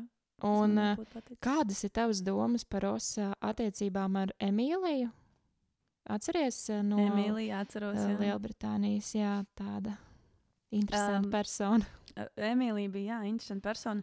Man ļoti interesanti likās tas, ka viņi abi tādi konservatīvi cilvēki uh, savā attiecībās ļāvās vienkārši kaut kam pilnīgi spontānam, Mm mm. jo viņiem attiecības ļoti ātri gāja uz priekšu. jā. un, Mhm. uh, zinot, kāds ir Ross, cik viņš Jā. ir konservatīvs, un arī Emīlija no Anglijas nāku, nākusi, uh, viņi abi bija tādi tiešām ļoti tādi. Pie, piezemēti cilvēki, un tas, ka mm. -hmm. viņi tur aizbrauca uz savu uh, Vermontu, vai kur viņi tur aizdevās, un, un, un, un redzēja kaut kādu alni pie loga, un kas un kas. un, nu, man, man tas šķita varbūt kaut kā, ka neiet īsti kopā ar to, kā tas varētu dzīvē notikt. Mm -hmm. Bet uh, iespējams, ka, tā, ka, ka tā arī kādam dzīvē ir gadījies, ka divi ļoti piezemēti cilvēki satiekās spontāni, sajiet kopā un viss. Bet um, es neteikšu to, ka Emīlija ir mans mīļākais tēls. Man šķiet, viņa vienkārši bija tāds tā kā laika aizpildīšanai mazliet. Bija forši tas, ka bija viss tā kā Anglijas kāzas, un tad nebūtu Jā. Monika un Chandlers pēc tam vēlāk, protams. Tas bija vienkārši laika aizpildīšanai, lai būtu kaut kāda atkal notikuma, citi pavērsieni un viss. Bet vai tu zināji, ka aktrise, kur tēlo Emīliju, tajā laikā uh, jau bija stāvoklī? Tāpēc daudzi kadri bija tā, ka neredz vēdera, nu, respektīvi šādi. Jā. Un viņai vispār vajadzēja palikt šajā seriālā, un viņai bija jāpaliek kopā ar Rosu. Wow. Vienkārši aktrise, kas uh, tēlo Emīliju, ja es nekļūdos, viņa bija 14 epizodēs, un viņa vienkārši gribēja savu bērnu audzināt Lielbritānijā, un viņa negribēja braukāt, nu kā jaunā mm. māmiņa. Un viņa izvērtēja, ka par prioritāti būt savā ģimenē un aiziet no šīs lomas. Tāpēc viņa vienkārši izrakstīja ārā no šī seriāla, bet vispār viņai bija jāpaliek. Es priecājos, ka viņi nepalika. Man tiešām šķiet, to, ka viņi, nu, kā, es nezināju šo faktu vispār. Mm -hmm. um, ne to, ka viņi bija stāvoklī, ne to, ka viņai bija jāpaliek, bet uh, man šķiet vienkārši tā kā. Nu jā, nu viņa, viņa nebija tik interesants tēls kā varbūt pārējiem. Viņu, starp citu, gribēja nomainīt, jo tad, kad bija testā epizodu filmēšana nu, ar viņas tēlu, tad viņai nebija vispār saikne ar Osu. Emīlijai kadros vispār nebija šīs saiknes. Jā. Viņa ļoti strādāja, lai vispār izskatītos, ka šī saikne viņiem ir. Jā, un par saikni runājot, kā reiz atkal atgriežoties pie reuniona epizodes. Mm -hmm. uh, man ļoti, ļoti patika tur, kur uh, Anstone ar uh, Švimeru ap divu pateica to, ka viņiem bija jūtas vienam pret otru. Mm -hmm. Un uh, viņi nevarēja to realizēt dzīvē, tāpēc, ka vai nu viens bija kopā ar kādu ārpus mm -hmm. seriāla, vai otrs bija. Un, Tādā veidā viņi tās emocijas ielika iekšā, un man liekas, to ļoti spilgti var īstenībā redzēt, kad uh, viņiem tiešām ir dzirksts. Un man vis, visvairāk epizode, tā, tas brīdis, kad uh, uh, Reičela tīra kafejnīcu un viņš uh, lietu pieskrien pie tām durvīm pēc tā strīda un visu. Man šķiet, to, ka tas tā, kā, tā epizode jau vien parāda to, mm -hmm. kāda viņam īstenībā bija tā ķīmija savstarpējā. Un Jā. ar Emīliju nevienā brīdī nekā tāda nebija. Man šķiet, vienkārši nu, tiešām nu, divi tādi konstruktīvi cilvēki mm -hmm. vienkārši satikās, ah, nu, mēs tagad būsim kopā. Uh, es nedomāju, to, ka viņi būtu liels pienesums. Varbūt, ja būtu nomainīta aktrise, varbūt. Bet Jā. uh, pats tēls Emīlija man īsti neuzrunāja kaut kādā ziņā. Es domāju, to, ka uh, labāk bija tas, ka viņi turpināja sajiet, izšķirties, aiziet, izšķirties, un beigās viss beidzās kā beidzās. Būtu bijusi Bet... Emīlija, visdrīzāk, ka mēs nebūtu 9. vai 10. sezonā, cik sezonas kopā ir? 10. Jā, ka 10. sezonā nebūtu viņa. Uh, Vispār bija izkāpusi no Parīzes uh, lidojuma. Jā, jā tā ir. Un, un atgriezusies atpakaļ. Vispār bija jābūt 11 sezonā. Bet aktieri savā starpā vienojās, ka būs 10. Nu, desmit tāds. Smuks, Jā, man, man arī tā cipars. šķiet. Viņam likās, ka 11 varētu sabojāt seriālu, un varbūt tā arī ir. Nu, Bet... Viņi visi jau bija nonākuši tādā dzīves posmā, kad viņiem tā kā, nu, kā Monika ar Chandleru uh, adaptēja. Bērnu. Bērnus. Bērnus, jā. Dviņus. Mm. Un, un, un um, nu, jā, nu tas brīdis, kad um, viņi tā kā viss vis viņiem gāja uz priekšu, kā, kā tas dzīvē notiek. Viņiem, mm. viņiem kā, tur tieši starp citu iepriekš minēja par to, ka ir kā, draugus kaut kādu laiku. Kā, nu, viņu gadījumā viņi paliek kā draugi, bet tajā pašā laikā tie desmit gadi pagāja. Bet, un viņi liekas, tomēr gāja katru savu ceļu. Uh, Fībija apprecējās ar Maiku. Uh, Chandlers ar Moniku pārcēlās uz suburbs. Bet viņa Džoija es... paņēma līdzi. Viņam jā. bija jādzīvo garā. Uncle Joey, Uncle Joey viņš bija. Jā. Un, un, un uh, nu, Reičelai vajadzēja pārcelties uz Franciju, beigās viņa to neizdarīja un palika kopā ar Rosu. Kā, uh, man šķiet, to, ka tas, jā, nu, tas nobeigums bija nu, tāds, kā dzīvē notiek. Jā. Tāds kā dzīvē notiek, kad uh, esi, jūs esat draugi un jūs paliekat draugi, bet vienkārši dzīve iet uz priekšu. Jā. Un tā 11. sezona visdrīzāk būtu bijis tāds jau tāds. Nu, ko mēs te maļam uz to pašu riņķi? Bet vai tu zināji, ka Džoui bija arī savs seriāls? Nezināju, nē. Kad tas bija? Tas bija pēc Friendiem? Jā, ja es nekļūdos pēc, un viņš bija ļoti īsu brīdi, jo šis seriāls izgāzās. Viņš tā arī saucās Džoui. Uh, var pameklēt, var atrast um, šur tur kaut ko paskatīties. Ja es nedrīkstu runāt droši vien par uh, pirātisko kontekstu. Oi, nē, nē, nē. nē es nē. esmu dzirdējis ap citu to, ka uh, nā, no nākošā gada iespējams Latvijas, uh, Latvijas teritorijā šīs te vietnes visas tiks bloķētas saistībā oh, ar autortiesībām. Tā kā vēl var paspēt. Mēs to nereklamējam, nedariet Nē. to. Mēģiniet atrast tā, legālu, legālu veidu, kā noskatīties. Nu, varbūt Amazonē viņš ir pa maksu tas seriāls. Es nu, zinu, ka tur arī var nopirkt. Jā, viņš, ir, viņš ir sūds, tā kā nepēc.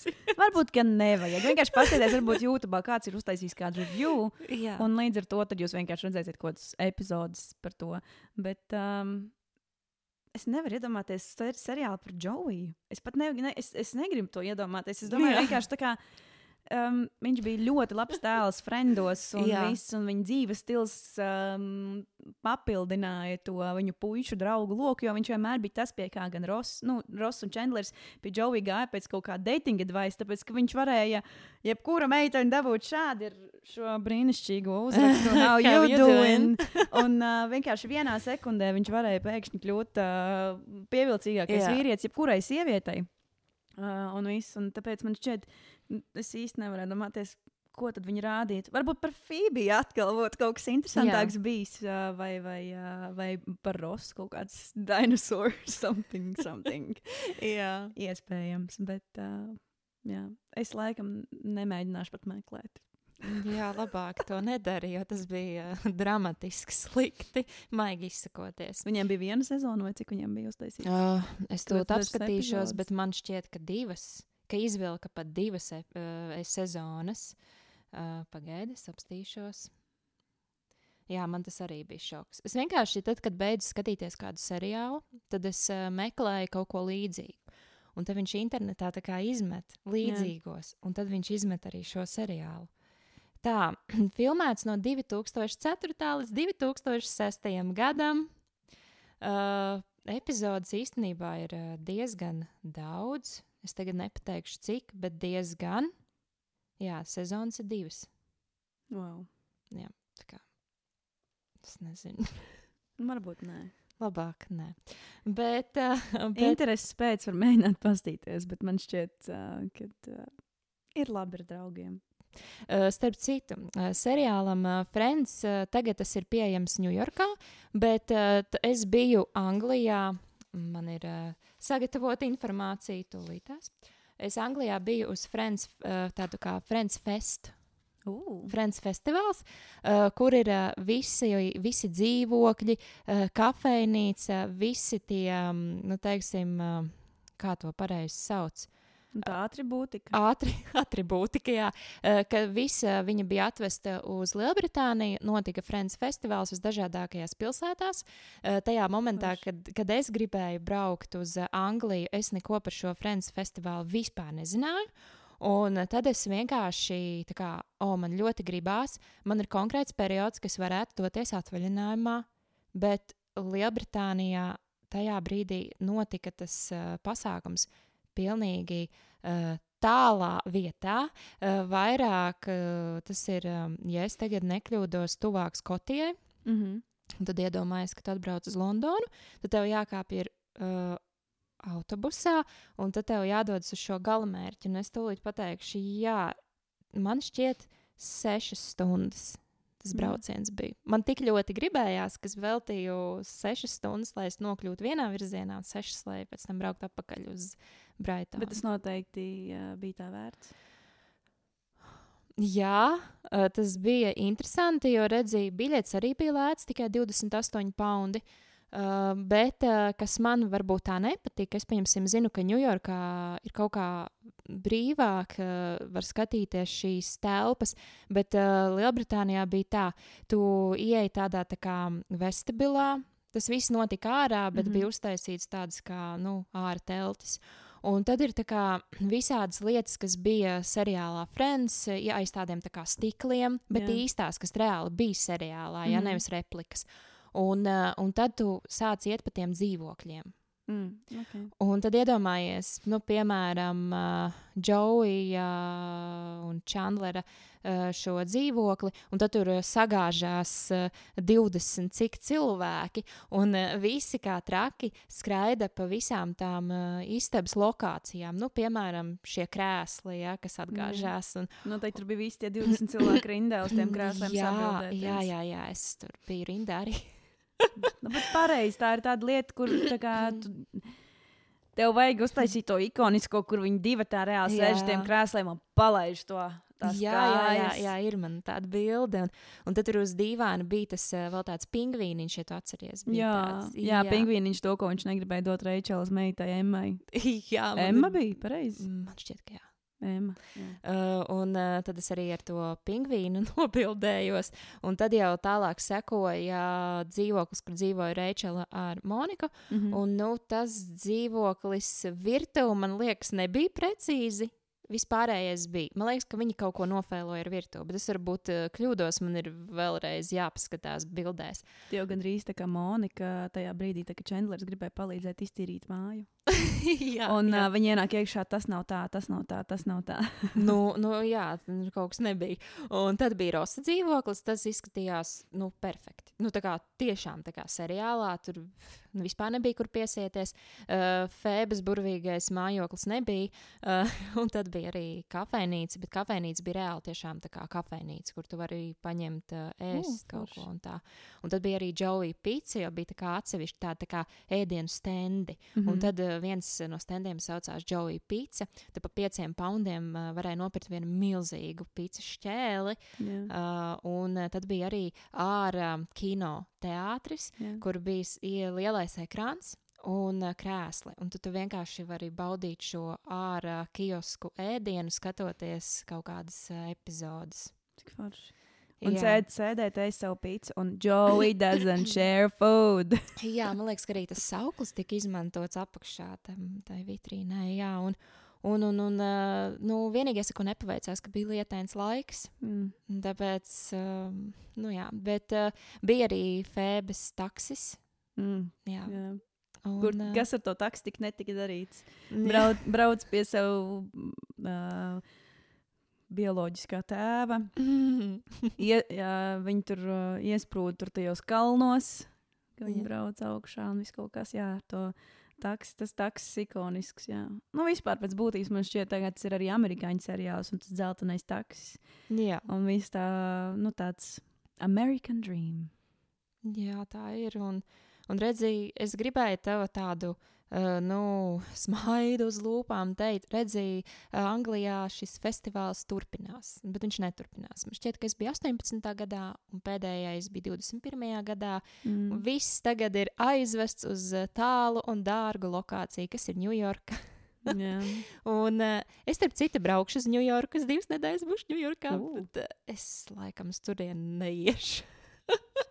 Nu, tu jau esi redzējusi. Es, es Tad, esmu sēdējusi jau uz tā dīvāna, un man vairs nav aktuāli. nu, jā, tu jau to esi piedzīvojis. Varbūt Jā. jānoiet garām gar to ēku, kas tiek filmēta. jā, jā, bet uh, tā sajūta bija ļoti interesanta. Redzēt tās visas lietas dzīvē. Nu, tāda dīvaina sajūta. Man mm. ir miljonus bildes no tās dienas, un video, un viss kaut kas, ko es tā baigi nešēroju sociālos tīklos. Nu, bildes var atrast, bet uh, jā, man ir, man ir problēmas ar sociāliem tīkliem, jo es nemāku, es māku viņus lietot, un man ir ļoti daudz materiālu, ko viņos likt, bet es kāpēc to nedaru. Man tas droši vien ir jāmaina, bet uh, es esmu kaut kāda mm, 90. Nu, dāma. Ir, ir vienkārši lietas, kuras gribās, ar kurām gribās dalīties, un ir lietas, ar kurām gribās, lai arī tās paliek tikai priekš tevis paša un, un taviem tuvajiem. Es saprotu, ko tu ar to domā. Kad, uh, Nu, es, kinda, es pat esmu intervējusi Vairvīķu Freibergu, un neviens to nezina. es arī tādu faktu nezināju. Es tevi, uh, nu, teiksim, mēs pazīstamies, esam jau sen. jā, jā. Nu, redz, es daudz, daudz ko nešēroju. Jā, jāsāk tas laikam darīt. Jā, tālajā, tur 2000. kurā gadā. jā, bet tas, intervija ar Vairvīķu Freibergu. tas bija baigi sen, jā. Bet um, atgriežoties pie Friends. Um, hm. Vēl tāda lieta, ko es gribēju pajautāt, vai tev šķiet, ka šādu seriālu varētu uzfilmēt tagad? Nē.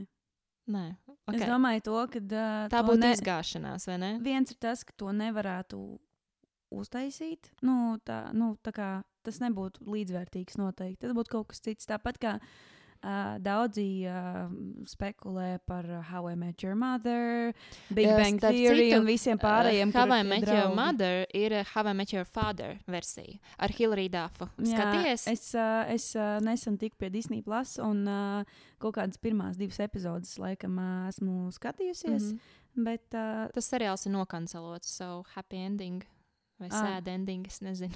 Uh, nu, a- atkal varbūt lielisks piemērs tam, ka, uh, ja kaut kas veicās labi, nevajag obligāti to turpināt un mēģināt uh, kaut kādā veidā mākslīgi uzturēt. Jā, ja tas nu, ir, Nu, ja tas ir varbūt turpināt, jā, nu, piemēram, ja runā par mūsdienām un visi aktieri būtu uh, piekristu un būtu dzīvesveiki un vesels, protams, nezinu, cik tas izmaksātu uh, studijai, kas šo filmē, jo nu, tie droši vien būtu daudz miljoni, bet ja būtu uh, tāds friends kaut kāds, nezinu, kā viņiem tagad iet kaut kāds kaut vai mini-epizodes, es pat paskatītos. Bet, ja būtu tā kā Jā. no jauna, jauna Reičela un jauna Monika un kaut kas tāds, Jā. nu, nē, paldies.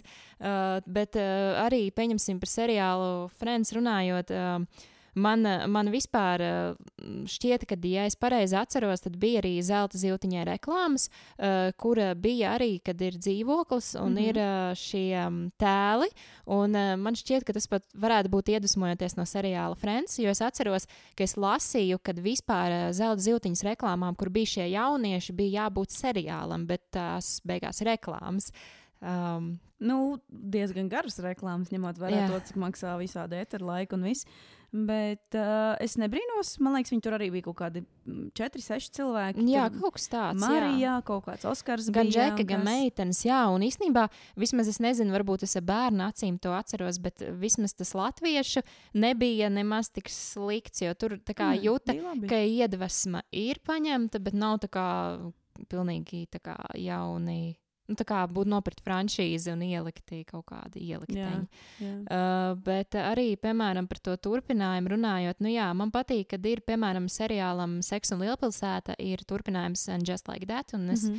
uh, nebiju skatījusies Seks un Lielpilsēta, es šobrīd skatos Seks un Lielpilsēta, un es, biju, es sāku skatīties ar to, kur viņām ir ap 50, un tagad skatos to, kur viņām ir ap 30. Jā. Un, uh, un īstenībā man arī, nu, tā kā riktīgi aizķēra šis seriāls, un man liekas, ka tas ir tas veiksmes stāsts par turpinājumu. Jo, Jā, piemēram, bet tas jā. ir stāsts par to, ka uh, tie paši aktieri uh, parāda, nu, kā viņus ieliek šodien. Jā, Un ar, uh, tu, uh, nu, tur parāda tos uh, viņu kaut kādus izaicinājumus šodienā. Un uh, tajā viņu atbilstošajā vecumā. Līdz ar to, jā, ja, nu, kā tu minēji, ja visi būtu uh, sveiki, veseli un visādi citādi, tas būtu nu, materiāli iespējams. Tad uh, varbūt būtu interesanti paskatīties to, kā viņiem ietu tagad, jo noteikti būtu Monikas un Chandlera uh, dvīnes, uh, pats O, jā, jā, gadnieces. tas un, un, un, lai gan cik nu pats gadnieces, ja beidza filmēt kaut kādā 3. 4. gadā. 4. gadā Jā, sanāk, beidz filmēt, tad tagad jau viņām būtu 20. Tad mm. -hmm. viņas sūtītu uz koledžu. Nu. Rosa, Rosam jau arī bija bērni. Jā, jā, tad līdz ar to, ja tas būtu, teiksim, ja tā būtu kaut, kādu, kaut kāda viņu spēja, uh, nu, tā kā dzīvot šodien mm -hmm. un ar Mhm. visiem tiem, saku, izaicinājumiem, tajā skaitā, kā mēs jau iepriekš runājām par to, kad, uh, nu, Mūsdienās to nevar uzfilmēt. Tā kā bija tāda. Tu nevari Jā. vairs nevienu aizskart, visā citādāk, un ir ļoti daudz tēmas, kuras ir jāpaceļ augšā, un visā Mm. citādāk. Līdz ar to man liekas, tur varētu būt diezgan interesanti īstenībā paskatīties, kā tie tēli šajā vecumā dzīvo. Kā Reičela Rosa kas ir vispārējie. interesanti, runājot par to laiku, uh, cik jocīgi, ka tajā laikā, es nezinu, kā bija Amerikā, bet kad Rosas sieva tomēr izvērtās, es nezinu, vai viņa bija biseksuāla vai viņa bija lesbieta, bet viņai bija šī cita orientācija. Un viņš sākumā domāja, ka tā otra sieviete ir vienkārši draudzene. Un um, beigās tā nu, ir, bet romantiskā ziņā draudzene. Un uh, cik interesanti, ka tajā laikā jau tas tika apspriests. Jo, piemēram, um, uh, Elēnas šovs, ja, viņa dēļ tā, ka viņa atklāja, es neatceros gan kurš gads, bet kad viņa atklāja savu orientāciju, viņa pirms tam filmējās uh, citā. Es neteiktu, man liekas, ka tas bija seriāls. Es tagad nepateikšu, projektā, kur viņu atlaida, tāpēc, ka uh, viņas tēls neatbilda viņas īstajai. Um, Jā. Jā, īstajai personībai. Un, un tagad, tagad atkal viss ir savādāk. Man liekas, ka tagad tieši uh, būtu ļoti loģiski, ka tiek ielikts tāds tēls kā Rosa sieva, tāpēc ka tagad visos seriālos man šķiet ir uh, kaut kādas um, sevis meklēšanas uh, šajā orientācijas ziņā, un, un cik interesanti, ka tas tika pieminēts tad. Nu, 90. gados vēl man liekas, tas ir tā diezgan loģiski. Ja tas būtu bijis kaut kad varbūt vēl agrāk, varbūt Jā. tad tas būtu bijis tā, nu, diskutabli. Jā. Bet uh, 90. Amerikā man šķiet to, ka ir, nu jā, tas ir pašsaprotami īstenībā, ka tur bija kaut kas ārpus normas Jā, ķepiņās tiek nu, klausās. Amerikā, vai ne? Jā. Um, nu, jā, tā kā. Es nezinu, man šķiet, to, ka jā, nu, tā kā vajad, vajadzēja būt kādam tēlam, kas ir arī kā citādāks. kastes, jā. Citādāks vienkārši. Jā, nu, tā kā kas nav ot, tāds nu, standarts, nu, nezinu, tradicionāls vai kāda citādā, kā mēs to varam nosaukt. Nu, Līdz to- droši vien arī tāpēc, lai varētu just līdzi, vai ne? Jo, pieņemsim, seriālā Friends ir uh, tie tēli, katrā ir kaut kāda nianse, kas varbūt atbilst mums. Nu, kā, un varbūt cilvēkam, kuram ir šī cita orientācija, viņš nejūtās tik atstumts, viņa tēma arī ir iepīta šajā seriālā. Varbūt uz to arī var tā skatīties. Man liekas, tas varētu būt tāds uh, gudrs uh, gājiens no, nu, no scenārija puses, no producenta puses. Nu, Es uz to laikam tā skatos. Uh, bet vai tu zināji, ka pirmajā epizodē Rosam bija cita sieva? un pēc tam nolīgta bija cita aktrise. Jā, es, a, es atceros to, ka bija kaut kā vienā brīdī pēkšņi viņas samainīja. Jā, un es tā kā apstulbu. Man, tāds, man bija tā kā rīktīgs brain damage. Man vienkārši tāda, zini, tas, tas mīmīms, kur tā sieviete vienkārši ķip rēķina kaut ko. no kurienes? No kurienes tu esi? Vai tas trešā dāma tajā- attiecībās? Bet, uh, nu, I I mean, tā kā ļoti daudzos seriālos, man liekas, parā, parādās sākumā viens aktieris un pēc tam samainās uz citu.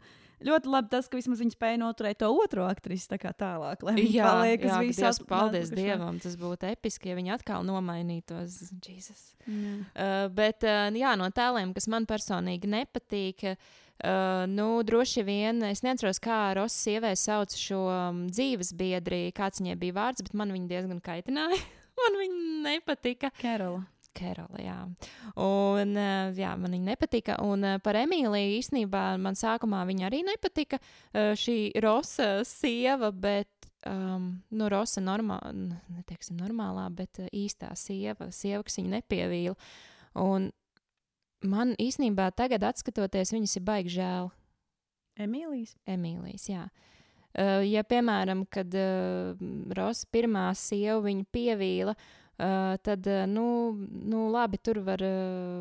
Tur abi varianti droši vien viņš kaut ko nepamanīja, un Mhm. viņai kaut kas dzīvē mainījās, un tas viss ir saprotams. Bet Emīlija, manuprāt, maigi izsakoties, tika piečakarēta nu, tā pamatīgi. Tāpēc, kad nu, man personīgi mīļākais pāris no seriāla Friends ir Monika un Chandlers.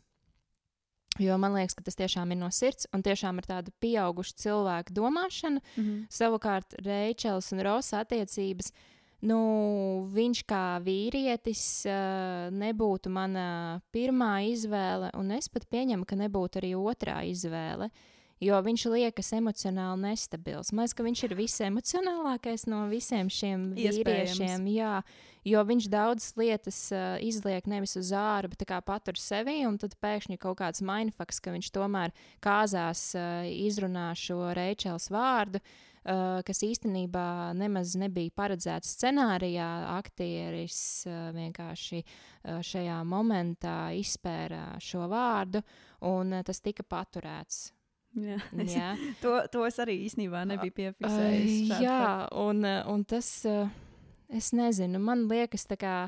Ja, Bet vai nebija tā, ka Emīlija sākumā bija īstenībā Anglijā, viņai bija cits vīrietis? Un tad viņi izbeidza attiecības, un viņi turpināja satikties ar Rosu. Nebija tāda lieta, es vat neatceros. Jo man šķiet, to, ka tad, kad viņi aizbrauca prom, vai, vi, vai nebija tā, ka viņi sazvanījās un tur bija kaut kas Es atceros, ka viņi to. sazvanījās. Jā, jā tā bija. Ņemot vērā to, ka tā ir diezgan sena, sena nu, sezona. Nu, jā, un nu es pēdējo reizi Frančijas skatījusies. Neviens Pirms man neģeģojiet. Pirms cik gadiem? Nē, es pagājušo gadu rudenī beidzu. Nopietni, nu labi, es pirms pieciem gadiem skatījos, tā kā man atmiņa ir bijusi. Nu, es esmu noskatījusies no A līdz Z kādas reizes trīs. okay. Tā kā, bet uh, man, man šķiet, to, ka viņai, viņai bija kaut kādas attiecības tur, Anglijā, un pēc tam viņa it kā nu, neatsāka, bet tad viņa it kā turpināja to un visu. Un tādā, no tāda skatu punkta vairs nešķiet to, ka viņa tik ļoti žēl, vai ne? ja viņai bija attiecības. Nu, it kā jā, bet tāpat laikā, kā, man liekas, cik dīvaini, ka Reičela vairākas reizes kā Rosam nepateica, kā viņa jūtās. Un Ross neiedomājās pajautāt, kā viņa jūtās. Nu, viņa ir tāds lielisks toksisku attiecību um, piemērs kaut kādā ziņā. Jā. Tā kā toksiskas kaut kādā ziņā varbūt pārāk naivas. Mm -hmm. Jo viņi abi dzīvoja katrs kaut kādā savā pasaulē un mēģināja šīs pasaules savienot kopā. Un kaut kādos brīžos viņiem tas izdevās, un kaut kādos nē. Uh, bet, um, Bet viņš, piemēram, uh, iedomājies uh, situāciju, um, esot attiecībās, nu, pāris sastrīdas, vai Jā. ne? Un viņa gadījumā viņš sastrīdas, un viņš pārguļ ar citu sievieti. nē, nu, ta, Nu, tas šis kā mūžīgais jautājums, vai viņi bija breikā. Godīgi, es nezinu. Nu, es vienmēr cenšos uh, kaut kādā mērā skatīties no savas perspektīvas. Nu, kā, nu, piemēram, Jā. nu, un man tas liekas rīktīgi, neriktīgi. Nu, tā Nu, kā, nu, nē, nu, tas nebija rīktīgi. Nu, teiksim, tādā ziņā, ka, um, ok, we're on a break. Tā kā viss, tā kā viens saprot, Bet vienā veidā, otrs saprot. telpu, Jā, kad- jā, tas ir principā dažu stundu jautājums, ka tu jau tā kā meties citos palagos. Jā, un viss, bet, uh, lai gan tie bija viņa palagi, laikam, es īsti neatceros, kur viņi tur, kurā mājā tas notika. Bet uh, tam pat nav tik liela nozīme. Vienkārši tas par to, ka, uh, nu, laikam es vairāk būtu Reičels pusē, jo, nu, labi, breiks, breiks, bet uh, Nē, nu, tad tajā paiet kāds mēnesis vai noteikti. kāds laiks, nu, labi, ne mēnesis, nu, būsim reāli mūsdienās vispārībā, man liekas, samaina attiecības jau pēc divām dienām, vai kādu citu jau kopā un viss. Bet, uh, nu, vismaz kaut kādu brīdi varēja tiešām, kā tu saki, ieelpot. Nu, jā, jo nu, tas bija tikai stundas. Tas pat nebija mēnesis. Tas nebija ne mēnesis, tas pat Mēnesis nebija vēl varētu piedot.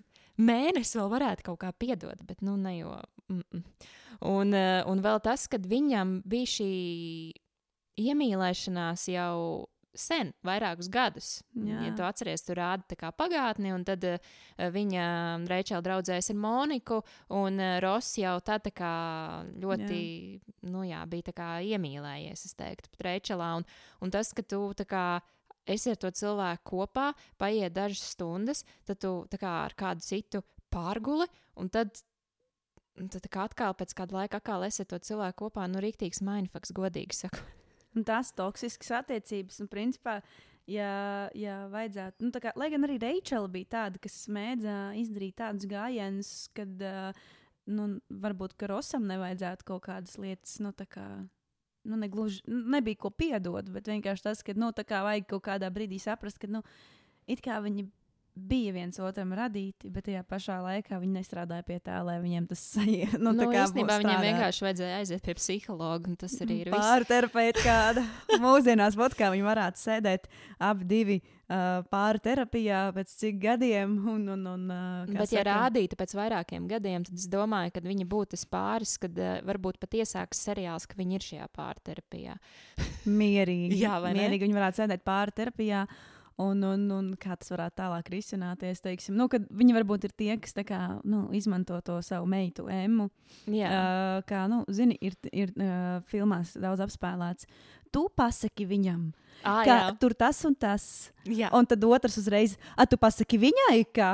Un sēž vienā telpā. Nu, tā Jā. kā varētu tā viņi strīdēties. Es tā, tā iedomājos, Tā ņemot, būt. Jā. ņemot vērā to, cik Ross ir dramatisks. Nu, iedomājieties visu to situāciju. Es nebrīnītos, ka Rosijā būtu paspējis pārgulēt ar vēl kādu citu cilvēku. Savukārt, Reičela strādājot savā profesijā, būtu mēģinājis apģērbt kādu Holivudas zvaigzni un paspējusi ar to, ja ne pārgulēt, tad vismaz uh, sarakstīties WhatsApp. Nu, mēs varam spekulēt Jā, par to, kā viņš šobrīd, šobrīd dzīvotu šīs dzīves, kā Reičela. Bet, starp citu, Monikai un Čandleram uh, bija uh, scenārijā paredzēta um, krāpšana no Čandlera puses. Viņam vajadzēja, ja es nekļūdos, pārgulēt ar prostitūtu. Un, uh, Pēc. jā, kāpēc? Un uh, Metju Perijs vienkārši pateica, kā, kad um, tas nenotiks, ka tas neatbilst vispār Čandleram. Tas vispār Jā. nedara tām attiecībām. Tā kā Ne tāds, tām attiecībām, ne Jā. Chandleram, ne. nu, tā kā rīktīgs mindfucks, un es esmu pilnīgi nu, pateicīga, jo tad jau būtu tā sajūta, ka ir tikai šie toksiskie pāri, Jā. un neviens tā kā nav īsti nu, sakarīgs pāris. Jā, jo Monika Chandler tiešām bija tādi nu, mīlīši. Nu, tā viņa, ļoti, viņa ir ļoti spilgts piemērs tam, ka strādājot pie attiecībām, jūs viens otru papildināt. Nu, jā, Tu, tā kā tev ir jāplēj puķīte, un tev ir jāapčubina puķīte, lai tā puķīte augtu, lai viņa plastos. nu, jā. Un tā kā, nu, jā, nu, Chandleram bija savu mīnus, Monikai bija savu mīnus, bet viņi tik ļoti labi spēja tā kā, nu, um, tā kā miedarboties, mm -hmm. ka Mhm. tas viss vienkārši ļoti, ļoti, nu, tas bija ļoti sirsnīgi, un es vienkārši nevaru iedomāties to, ka Chandlers tagad paņem tur aiziet vienkārši pie prostitūtas. Pilnīgi, ne tas ir Chandlers, ne tas ir kā par viņu attiecībām, nekādā veidā. Un nu, galvenais, kā- kad, eh, kāpēc vispār bija tāda ideja? Tāpēc, ka, nu kā, nu kā, viņiem pārāk labas ir šīs attiecības, vajag ielikt kaut ko, kas dzīvē reāli varētu notikt. Bet man laikam pietiek pilnīgi ar Rosu un Reičelu. Nu. Ross ir vienkārši, nu, viņš ir awkward, viņš ir tāds Jā. savādnieks. Un viņ, tad, man liekas, arī tas, ka, kāpēc viņš to izdarīja un kāpēc pēc tik īsa, nu, tā kā pēc šīm dažām stundām, kā, um, man šķiet, šis tēls jau pats par sevi parāda to, ka viņa domāšana nav tāda kā citiem. Mm -hmm. Viņš savā galvā iedomājās kaut ko vienu un ir pilnīgi citādāk. Mm -hmm. Un tā kā viņš var būt ar savu overthinkingu, kas Jā. Ir ļoti daudziem nu, kā saprotams un atpazīstams sa- sajūts, tad uh, kaut kādā ziņā varbūt tas bija loģiskāk, ka tas bija Ross, kurš krāpa, nevis Mm. būtu Chandlers bijis. Nu, tā. Mm. Jā, jā, es atbalstu uh, to variantu, tāpēc, ka tās attiecības Rosam un Reičelu, lai cik viņas bija aizraujošas skatīties, uh, viņas bija pārāk uh, sačakarētas, un viņas varēja vēl vairāk sačakarēties mierīgi ar to krāpšanu, labāk, lai Monikai un Chandleram viss ir uh, kārtībā. Jā. Bet, starp citu, Džovijam vajadzēja ar Fēbi, nu, ne jau tā kā sajiet kopā, bet uh, ka viņiem ir gadījumu sakari. Tas friends arī- with benefits. Friends with benefits, jā, un tas jau bija ierakstīts arī scenārijā, un vienkārši tika nokancelota šī doma, bet tāda sākotnēji viņa bija. Ko tu par to domā? Man šķiet, to, ka bija ļoti labi tas, ka viņiem bija šīs draudzīgās attiecības, kur arī kaut kādā sērijā parādījās tas, ka viņi it kā iet kopā uz. Nu, it kā randiņi, ne randiņi, nu tā mm -hmm, draugu kopā mm -hmm. būšana, ja, ka viņi aiziet kopā paēst, un viņi vienkārši, kā, kā arī uh, Fēbina jau šis plāns, mēs ejam jūs aprunāt, un visādi Jā, jā. citādāk. Un, un uh, man šķiet to, ka uh, tas tā, tā, nu, tāds setups bija labāks priekš uh, tiem diviem tēliem. Nu, tā Jā. kā, jā, viņi to varēja darīt, bet man liekas, tas būtu bijis lieki. Un uh, man šķiet, ka tas atkal ir no dzīves, ka tiek apspriests, vai vīrietis ar sievieti var būt uh, draugi. Tad parasti ir variants, nu jā, ja vīrietis ir gejs, ja, vai sieviete ir lesbieta, tad jā, jā, mierīgi. Bet citādāk nē. Jā. Un uh, man liekas, ka um, es tieši rakstīju par to dievietē rakstu nesen, uh, jo es esmu dievietes redaktors šobrīd. Un, uh, Es tieši rakstīju par to, ka, ja divi cilvēki ir draudzīgās attiecībās, viņi savstarpēji jau pirms tam ir izrunājuši šo um, faktoru par to, uh, vai viņiem vienam pret otru ir kādi tālāki, intīmi, romantiski nolūki. Un man liekas, ka svarīgākais ir tā komunikācija. Jā, un viņi Mhm. tieši man patika, ka viņiem nebija šis intīmais sakars. Jā, ka viņi vienkārši bija draugi. Jā, jā tas, ir, tas ir baigi forši. Un, un runājot par tām attiecībām, īstenībā man ir ļoti nepopulārs viedoklis, jo Reičela, kad sagāja kopā ar Džoviju, daudzi fani nebija sajūsmā, viņiem vispār tas nepatika, un savukārt man tas patika. Un uh, es pat uh, lasīju, ka īstenībā uh, jā, viņi varēja mierīgi būt pāris. Sākumā bija domāts, ka Monika ir kopā ar Džoviju, Mm -hmm. kas man liekas vispār ir uh, pilnīgi garām. Un tad bija šis variants, ka pat cik Rosa paliek kopā ar Emīliju, jo viņi ir apprecējušies, un, piemēram, ja tā aktrise būtu palikusi, tad vēl bija variants, kad uh, šī re, nu, ka Reičela sajiet kopā ar Džoviju, vienkārši uh, cilvēku uz to nereaģē, varbūt tā, kā bija plānots, un mm. tas viss tur izbeidzās. Bet man personīgi ļoti tas patika.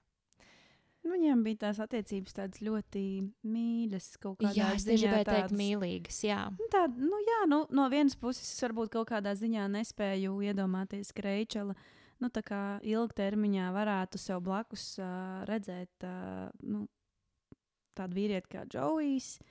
Um, Bet man liekas, ka viņa, viņš bija vienā brīdī tik ļoti viņā iemīlējies, kad, i- i- kad viņa varētu būt lieliska motivācija, lai viņš beidzot savāktos un būtu laika gaitā tas vīrietis, kuru viņa ir pelnījusi sev līdzās. Jo man ir grūti iztēloties, ka viņš, jā, viņš gulēja apkārt ar visādām dāmām, bet man ir grūti iztēloties, ka viņš viņu tā pieviltu, kā Ross to izdarīja.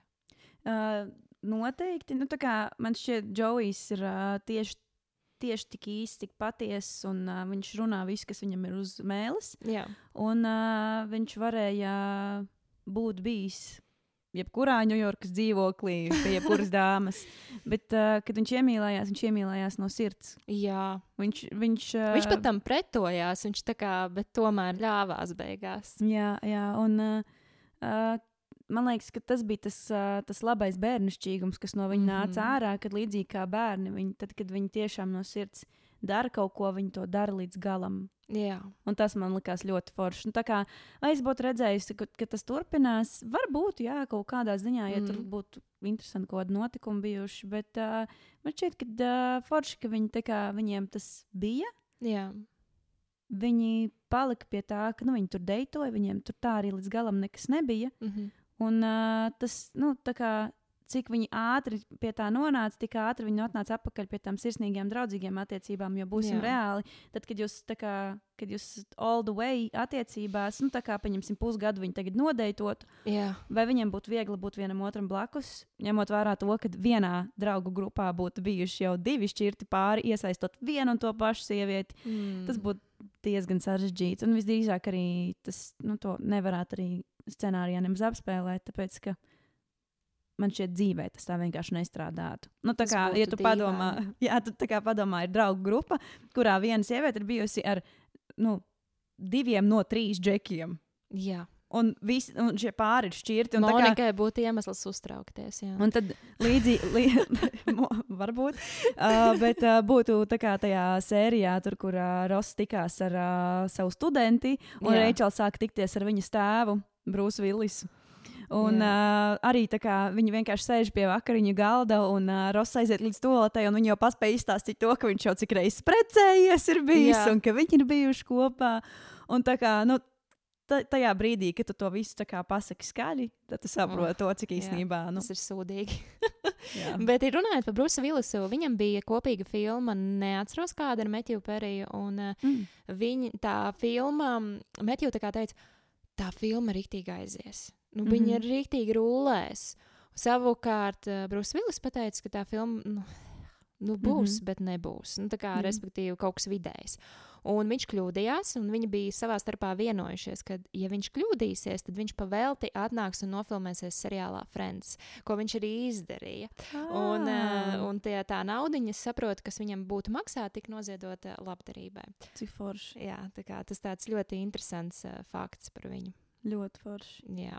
Un, uh, nu, vai ir kaut kas tāds seriālā Friends, uh, ko tu esi savā dzīvē nu, pielietojis, nu, kaut kāda dzīves mācība? Nu, piemēram, es tev teicu, ka man uh, Reičelā ir šis, uh, ka viņai šīs dzīves izmaiņas ir, jā, mm -hmm. tas man kā, dod kaut kādu mierinājumu, uh, nu, jo mana dzīve arī šobrīd ļoti mainās, uh, nesliktā ziņā, absolūti nē, bet uh, vienkārši tu saproti, ka tu esi pieaugušais. uh, un ka tu vairs nevari paļauties tik ļoti varbūt uz uh, citiem cilvēkiem. Nu, tad kas ir kā, tav, tavs? Kā?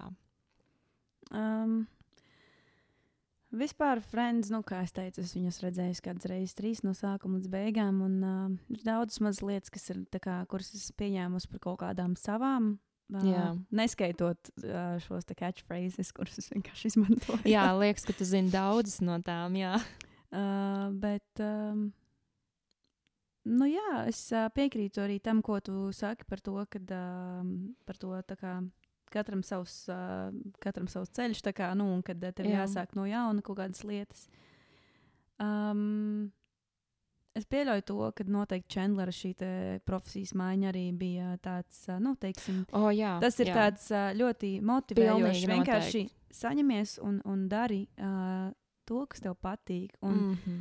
uh, nu, teiksim, arī viņa šis te bezdarbnieka status un viss netika parādīts diezgan kā vienkāršs periods. Viņš sēdēja mājās, viņš nezināja, kur lai sevi liek un visādi citādāk. Uh, Um, man noteikti nomierina tā doma par, par to, ka uh, man, man patīk, patīk savu kārtību. Un uh, es reizēm jūtos kā Monika. Starp citu, tad, kad es sāku skatīties seriālu Friends, tas Jā. ir ļoti, ļoti interesanti īstenībā. Tas man liekas, arī ir viens no iemesliem, kāpēc es te uzrakstīju. Man tu ļoti atgādini Moniku, Monika man ļoti atgādina tevi. Un es visu laiku, kad skatījos to seriālu, domāju, Nu kā, viņa man kaut ko atgādina. Es sāku domāt, visus cilvēkus, ko es zinu, un es jau tevi neesmu satikusi. Nu, mēs jau spriedām, nu, cik gadi pagājuši, varbūt pieci. Jā. varbūt Varbūt vairāk, vairāk, vairāk jā. varētu būt. Bet, un es tā, un ko man atgādina? Un es sapratu, ka man atgādina tevi. Un es nesaprotu, kā, kāds tā var būt, bet man tiešām viņi ļoti atgādina tevi.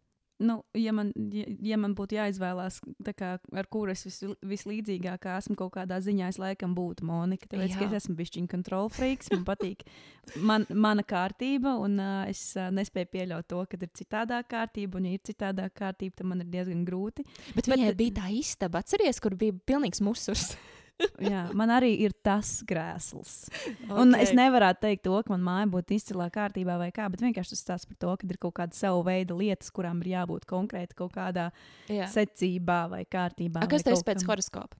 Es esmu vērsis. Ah, vērsis. Okay. Tāpēc, ka jaunavām arī ir vajadzīga šī uh, kārtība. Es esmu dvīnis savienots ar jaunavu. Un, lai cik es būtu gaisīga un tāda mākslinieciska, manī citreiz ieslēdz, tā kā, ka man viss ir jāsaplāno. Un tas Mm. ir aizgājis jau tādā līmenī, kad es tagad uh, braukšu uz Lond nu, Londonu, Varneru Bros. studiju, uh, un uh, man jau ir saplānots telefonā screenshoti, ko Harry Potter studijā es plānoju veikalā nopirkt. Man jau ir izreikināts budžets.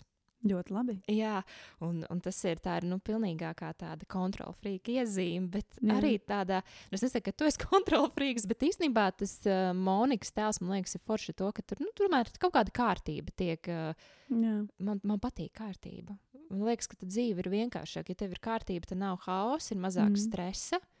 Jā. Jā. Nu, teiksim, nu, nevarētu arī teikt to, ka uh, viņi ir tikai un vienīgi kontrolfrīks un, uh, un, un kārtība un nekas cits. Viņi arī savu veidu radoša personība, tomēr kulinārija un, un, Jā, un, jā, un jā. virtuve, virtuve nav pavisam. Uh, Uh, pēc receptēm viņi ļoti daudz ko darīja. Tādā, nu, teiksim, kad viņi uznāca, vat es tagad gribu taisīt uh, Bet ievārījumus, varbūt- varbūt- vienkārši iegāja tajā līdz pēdējiem, vienkārši taisīja Jā. ievārījumus tonnām. Bet varbūt tāpēc arī ir šī kārtība, jo receptēs taču ir tā kā konkrētas lietas, vai ne? Jā. Konkrētā daudzumā, un varbūt arī tā profesija kaut kā atspēlējās arī uz to reālo dzīvi.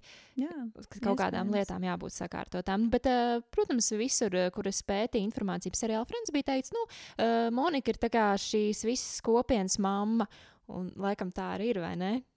nu, jā. Jo viņas vairāk kontrolē, man šķiet, savu dzīvi. Tāpēc viņai bija normāla karjera, nu, un dzīve, man liekas, attiecības, Jā, bet nevien- veselīgas. Bet nevienmēr viņa arī, teiksim, spēja būt līdz galam māma. Nevien, nu, tās kompānijas Jā, jā. māma, teiksim tā. Un nevienmēr viņa nu, tā kā varēja savākties, nevienmēr viņa pati zināja, ko viņa līdz galam grib. Un tā, un tā kā man šķiet to, ka. Jā. Bet es tev piekrītu. Un uh, interesants fakts, to, ka uh, visur skolās un visur citur man, ja, kā, ja kāds mans klases biedrs to klausīties, varēs simtprocentīgi komentēt. Jā. to, ka es biju klases māma. Man pat vidusskolā tā sauc klases māma. Nu, Tāpēc, redz, kad vajadzēja visus vibes, scenārijus, visu sā, sārakstīju. Un, uh, uh, man laikam lielākais dzīves sasniegums, kā es esmu kaut ko sāorganizējusi, ir mans 12. klases izlaidums. O, wow, forši. Zini, kāpēc? Mm. Es prasīju, jūs gribat ilgu vai, gar, uh, vai īsu izlaidumu, un man visi kā viens teica, jo īsāk, jo labāk. Okay. Mēs nebijām liela klase. Jā.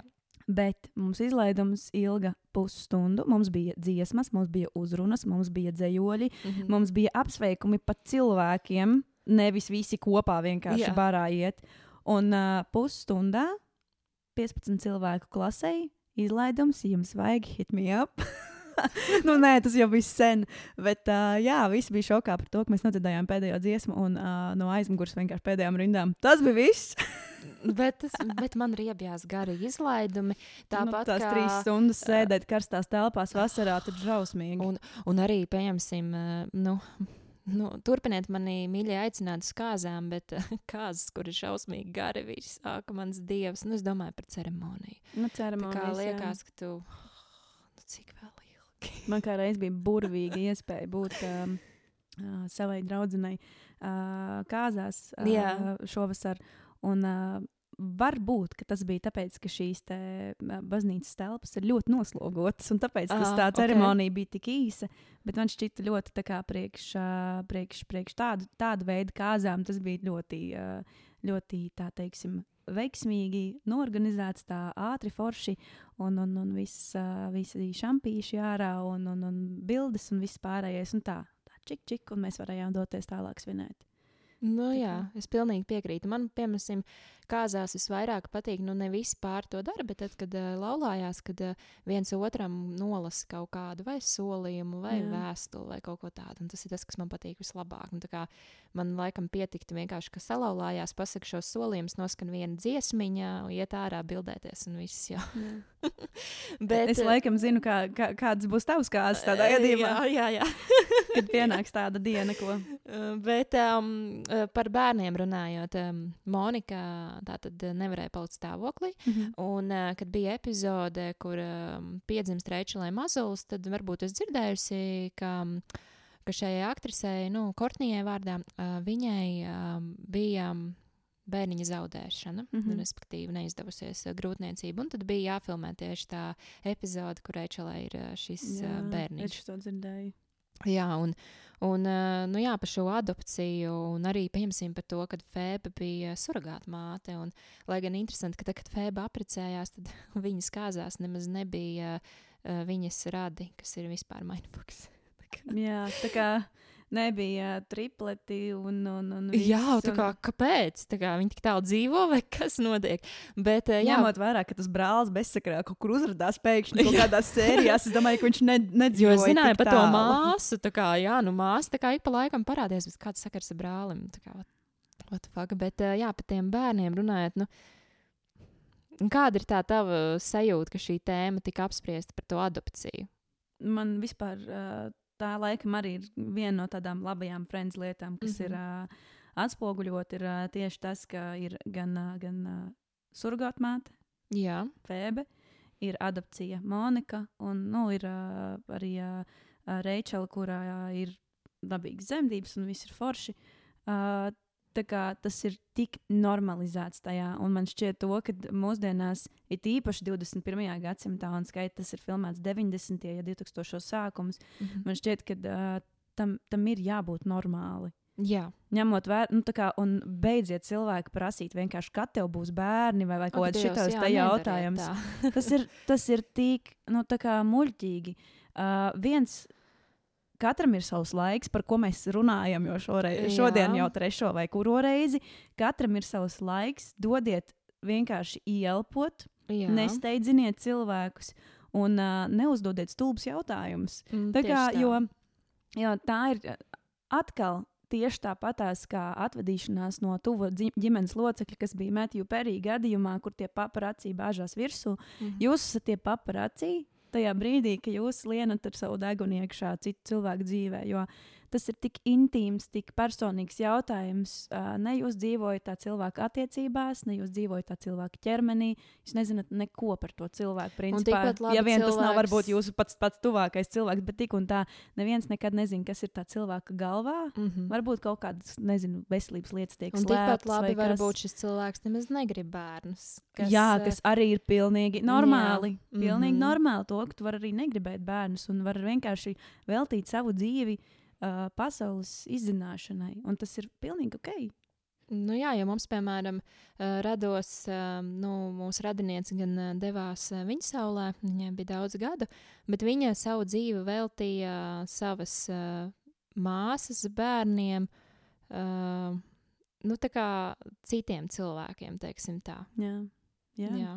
Un tu vienkārši, nu, tā kā tas ir, man, man šķiet to, ka uh, tas tiešām ir ļoti apsveicami to, ka uh, šī tēma tika no visām pusēm, uh, teiksim, izcilāta. Mhm. uh, visiem iespējamiem scenārijiem, varbūt ne visiem iespējamiem, bet nu, no dažādiem scenārijiem. Un, uh, nu, kā, jā, man laikam. Uh, Uh, tas tādu, uh, kā saka, mazliet to feminismu paceļ manī. Kā, kad, uh, es, es, es teikšu godīgi, kā, uh, es kaut kādā ziņā varbūt jūtos nu, tā, ka man šķiet, ka uh, nu, sievietēm vajag nu, tā kā mazliet kādreiz pateikt kaut ko pretī. Mhm. Tāpēc, ka citādāk no tās sabiedrības, kas ir nu, no seniem, seniem laikiem, Jā. kaut kādas lietas, kas ir uzspiestas, vienkārši. Katra, Jā. katram ir sava izvēle. Ja džekam nav bērnu, nu labi, nu tu tur vēl tu tur. Bet džekiem tas viss ir vienkāršāk, un džekiem nav šī uh, menopauze. Uh, Arī, jā. nedzirdēts par kungiem gados, uh, kas ir galīgi vectētiņa, viņiem ir pirmdzimtie. Uh, Jennifer Aniston, diemžēl, uh, viņa gribēja bērnu, uh, mm. bet uh, viņa teica, ka viņa būtu gatava dot visu, lai kāds viņai būtu pateicis, lai viņa iesaldē savu solšanas. Nu, viņai, uh, diemžēl, bērni savu bioloģiskie vairs nevar būt. Nezinu, kāpēc netiek, ā, varbūt tiek apspriesta adopcija, publiski par to netiek runāts. Nu, mm. Viņa ā, negribēja bērnus, viņa gribēja nodoties karjerē, viņa arī nevar iedomāties ā, pielāgošanos otrai pusītei, ā, respektīvi, esot ilgus gadus attiecībās. Viņai tās attiecības ir un tad nav. Un, jā, un viņa redz, kā beigās tomēr grib šos bērnus. Un ļoti tā kā, žēl, jo man būtu ļoti paticis, ja viņai būtu bērni. Nu, tā kā Jā. es tiešām kā, jūtu nu, līdz šai uh, sāpei. Jā, nu, tāda ir dzīve, bet uh, es kaut kādā ziņā ceru to, ka uh, viņa no sevi par to ļoti nešausta. Lai gan, nu, ja viņa to publiski ir, nu, ja tas publiski ir nonācis, gan jau kaut kāda šausmīšana ir. Bet, uh, nu, teiksim, Jo Kameronai Diezē arī diezgan vēl bija bērni. Viņai paveicās, ka viņai viņa varēja būt. jā. Uh, bet Jennifer Aniston vispār ir tā kā, es tam pateicu, Aniston, kāpēc. Uh, viņa vispār ir tā kā mana mīļākā aktrise. Un Tā kā man viņa ļoti patīk. Un, Jā. kas ir interesanti, arī manai mammai viņa ļoti patīk. Viņas Jā. ļoti patīk viņas filmas, un es viņai nu, gadiem uh, sekoju līdzi. Jā. Es arī zināju, ka, nu, jā, viņa tajā seriālā Friends. Es biju viņai redzējusi jau daudz ko iepriekš. Vienkārši es pat teiktu, ka es dēļ viņas to Friends sāku skatīties. Man Jā. ļoti, man ļoti patīk tas, ka uh, viņa kā aktrise, tā kā viņa vienmēr paliek viņa pati, bet tajā pašā laikā viņa spēja ie- iejusties tajos tēlos. jā. Un tas ir ļoti, ļoti interesanti kombinācija, tāpēc, ka, pieņemsim, nu, tas ir pilnīgi nesaistīti, bet Džonijs Deps, ir tik ļoti dažādi. Viņam tēli jā. ir bijuši tā kā, Mhm. kad, uh, nu, visi Čārlis un Čokolādes fabrika un Viņš iemieso visus šos tēlus. Jā, jā, un tā kā tā, nepaliek Džonijs Deps, viņš kā, viņš Jā. vienkārši tā kā nav. Jā, tur. bet, nu, Bet Anistonai atkal ir tas, ka viņa, kā, viņa ir, jā. un tu, tu viņu kā aktieri redzi, bet tajā pašā laikā nu, tas nav arī, nu, tā kā, es nezinu. nu, Nav arī tā, ka mēs skatāmies tikai Anistonu. Tā kā ir, ir arī tas tēls tajā jā. Filmā. Man ļoti patīk tas uh, Murder Mystery, vai kā viņš saucās. jā. Netflixā ir tā filma. Es neesmu otro daļu noskatījusies. Mm -hmm. Mēs uh, ar draugu skatījāmies pirmo, se- uh, pirmo filmu, un es jau taisījos sākt skatīties otro filmu. Otrā jo- ir laba arī. Jo, jo, jo mēs tā kā bijām runājuši, ka mēs skatīsimies, un Jā. beigās es tādu jau nevarēju sa- sagaidīt, ka mēs skatīsimies. Un tajā brīdī, kad es ieslēdzu iekšā, un viņš nogāja garām televizoram pirmajās piecās minūtēs, tad es sapratu, labi. Šitā, šitā es laikam nedrīkstu darīt, un izslēdzu ārā. Ā, un tad es tad- gaidu to dienu, kad es noskatīšos otro sēriju, nu, tā kā otro filmu. Jā, viņa ir vienreizēja aktrise. Un, uh, nu, jā, nu, runājot par seriālu Friends, man šķiet, mēs esam gandrīz jau visu iespējamo izrunājuši. Vairs jau īsti nav. Par ā, frendiem var visu laiku runāt. Īstenībā varētu ilgi un dikti runāt, bet uh, jā, man liekas, ka viss svarīgākais ir izrunāts priekš pirmās epizodes. Nu, Varbūt kaut, kāda, kaut kāds tavs ā, novēlējums mūsu klausītājiem, vai arī ieteikums, nu, mēs tu jau tikko pateici, kādu filmu tu iesaki cilvēkiem noskatīties. Nu, Jā. nu, ne ar tādiem vārdiem, bet apmēram tā. Un mm. kino kamals jau vispār ir par to, kad, eh, kāpēc es vispār izveidoju šo podkāstu. Nu, šī iemesla pēc, kad man ļoti patīk skatīties seriālus un filmas. Un, tā kā es to dievinu. Mēs ar draugu uh, vakarā, kad ēdam vakariņas, mēs skatāmies uh, kaut kādu seriālu. Un mums ir kaut kāda tā kā etape, ka tad ir viens seriāls, tad ir cits seriāls. Mēs arī troņu spēles skatījāmies, un mēs sākām vēlāk pa visiem citiem, ka visas sezonas jau bija iznākušas, kas vienkārši vienreizēji mums nebija nekas jāgaida. Mm. Un, uh, nu, man liekas, ka tas manā dzīvē ieņem ļoti lielu kā, vietu. Um, man tas ir ārkārtīgi svarīgi. Uh, šī Friends pasaule, šī Harry Potter pasaule, man tas nozīmē ļoti daudz. Un tāpat savā ziņā ir tāda kā terapija. Nu, līdzīgi kā, piemēram, uh, tu arī esi, uh, nu, gan vairāk, bet tu esi iekšā mūzikā, un tad droši vien tā ir tava terapija.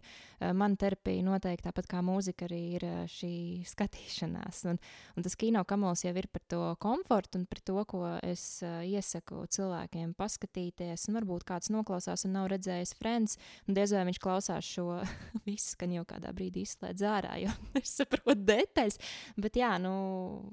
jā, nu, tā kā mans ieteikums uh, ir noskatīties šo seriālu, ja tu nav sanācis izdarīt, un varbūt tev vēl kaut ko var ieteikt no savas puses. Um, es piekrītu to, ka uh, vispār man, man šķiet, to, ka kino un, uh, un seriāli kā tā, nu, tā nozare. Uh, kāpēc viņi ir tik veiksmīgi un kāpēc arī ļoti daudz cilvēki uh, spēja līd, nu, līdzīgi jūtās un spēja kaut kādā ziņā savaibot ar tevi par šo. Es arī noteikti. Uh, tāpēc, ka jā, vai, nu, vai nu mēs spējam piedzīvot kaut ko tādu, ko mēs neesam piedzīvojuši, mm -hmm. vai mhm. mēs. Uh, uh, spējam atkal uh, izdzīvot vēlreiz to, ko mēs esam piedzīvojuši. Galu galā tas viss ir par emocijām un par tādu uh, dzīves pieredzi un varbūt kaut kādām uh, cilvēku kļūdām un, un vispār par cilvēcīgumu. Principā. Jā. Un, uh, man šķiet, uh, tas, ko varbūt es varētu novēlēt, ir, uh, ja jūs neesat redzējuši frendus, noteikti sāciet ar pašu mazumiņu. Nevienmēr uh, seriāls sākās pirmajā sērijā un te uzreiz paķer. Jā. Bet uh, tajā brīdī, ja tu sajūti to, ka Klikšķi. tev gribās vienkārši uh, pabūt tādā komfortā un vienkārši justies uh, nu, tā kā nu, es nezinu, mīlīgi. Nu, zini, tā kā, kad tu pieņemsi mieru pie kāda mājās pirmo reizi, un tu vienkārši sajūties tā, ka tas ir tā tāds mājas. Friends mm -hmm. ir mhm. tāds, tā, tā, viņi tas tā dod tādu Ziemassvētki. jā, Friends ir kā Ziemassvētki, jā, jā. lai arī cik ļoti Chandleram viņš neieredzēja Thanksgiving un Ziemassvētkus un vispārējo.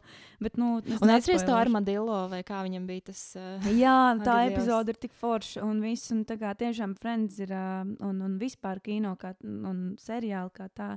Man šķiet, uh, tas palīdz piedzīvot kā, vairāk emocijas kaut kādos brīžos, kad mums varbūt vajag atslēgt prātu no skumjām, mēs varam dabūt prieku. Vai, uh, vai, vai kad uh, es nezinu, gribās kādu drāmu dzīvē, var noskatīties tur Kardashians vai kaut ko. Nē, es to... up, un tagad jau, man Nē, liekas, ir vienkārši Kardashians. Jā, to, to es nesaprotu. Uh, noslēdzot arī vēl viens fakts, uh, kuru es ar tevi runājot piemirs. Uh, Monikai nevajadzēja būt Monikai, uh, respektīvi aktrisei, man liekas, ka viņai, kā viņai bija Kortnija, varbūt uzzini, Kortnija Kokstajā. Uh, viņai vajadzēja tēlot Reičelu. Es zināju to, jā. Tu zināji, vai zināju, ne? Jā. Un Anistonai savukārt vajadzēja nomest svaru, lai viņa tēlot Reičelu. Wow, tu, tu, tu par tik detaļām. Viņa varēja nezināju. nedabūt lomu, ja viņa nebūtu nometusi svaru. Bet nu, man šķiet, to, ka uh, Monika, uh, nu, tā kā Kortnija ļoti labi attēloja Moniku. Jā, un, perfekti. Uh, Jennifer ļoti labi attēloja Reičelu. Uh, un viss uh, sagāja, kā tam vajadzēja sajiet. Un pat ja sākumā viņi domāja, ka būs uh, citādāk, un varbūt, ka nesaies sagāja. Tā kā, vot, jums, ja jūs kaut ko paņemsiet no šīs epizodes, paņemiet to, ka visam ir savs laiks. Jums nav jāstraucās par to, ka jūs varbūt šodien esat, nezinu, punktā A, un citi ir jau punktā B. Vienā brīdī jūs jau varbūt būsiet punktā Z, whatever. Jā, jā. Es jau tagad aizgāju punktos. Bet jā, uh, jā vienkārši um, go with the flow. Mm -hmm. Jā, un tā kā piekrīt. vienkārši ļaujieties, un, un uh, seriāli un filmas ir forši, un tas ir tā tāds labs pavadonis uh, dzīves ceļā. Un tad vēlreiz pajautāšu, mīļākie tēli? Mīļākie tēli no frendiem. No. Monika taču, un no Džekiem. No Chandlers. Nu, re. Nu, tā kā Golden Couple. Nu, jā, un man Reičela un es pat nezinu, no džekiem. Nu, Džovijs, bet uh, es droši vien uh, viņu neizvēlētos par savu vīrieti. Tā kā Monika un Čandlers ir perfekti. Jā. Uh, labi, šī bija pirmā kinokamos epizode, kuru jūs varat klausīties un arī skatīties YouTube. Uh, Lielas paldies arī e-frequency par iespēju. Ak, Dievs, ja, ja tevis nebūtu, tad uh, man liekas, ka es vēl ilgi nesaņemtos uh, savam podkāstam. Man bija ļoti grūti saņemties savam podkāstam, jo tam ir vajadzīga tehnika un vispārējais, un tu man devi šo iespēju. Tāpēc liels paldies! Šis varbūt nedaudz grīņš, bet paldies! Ieva. Un uh, tiekamies citā kino Kamos epizodē. Čau!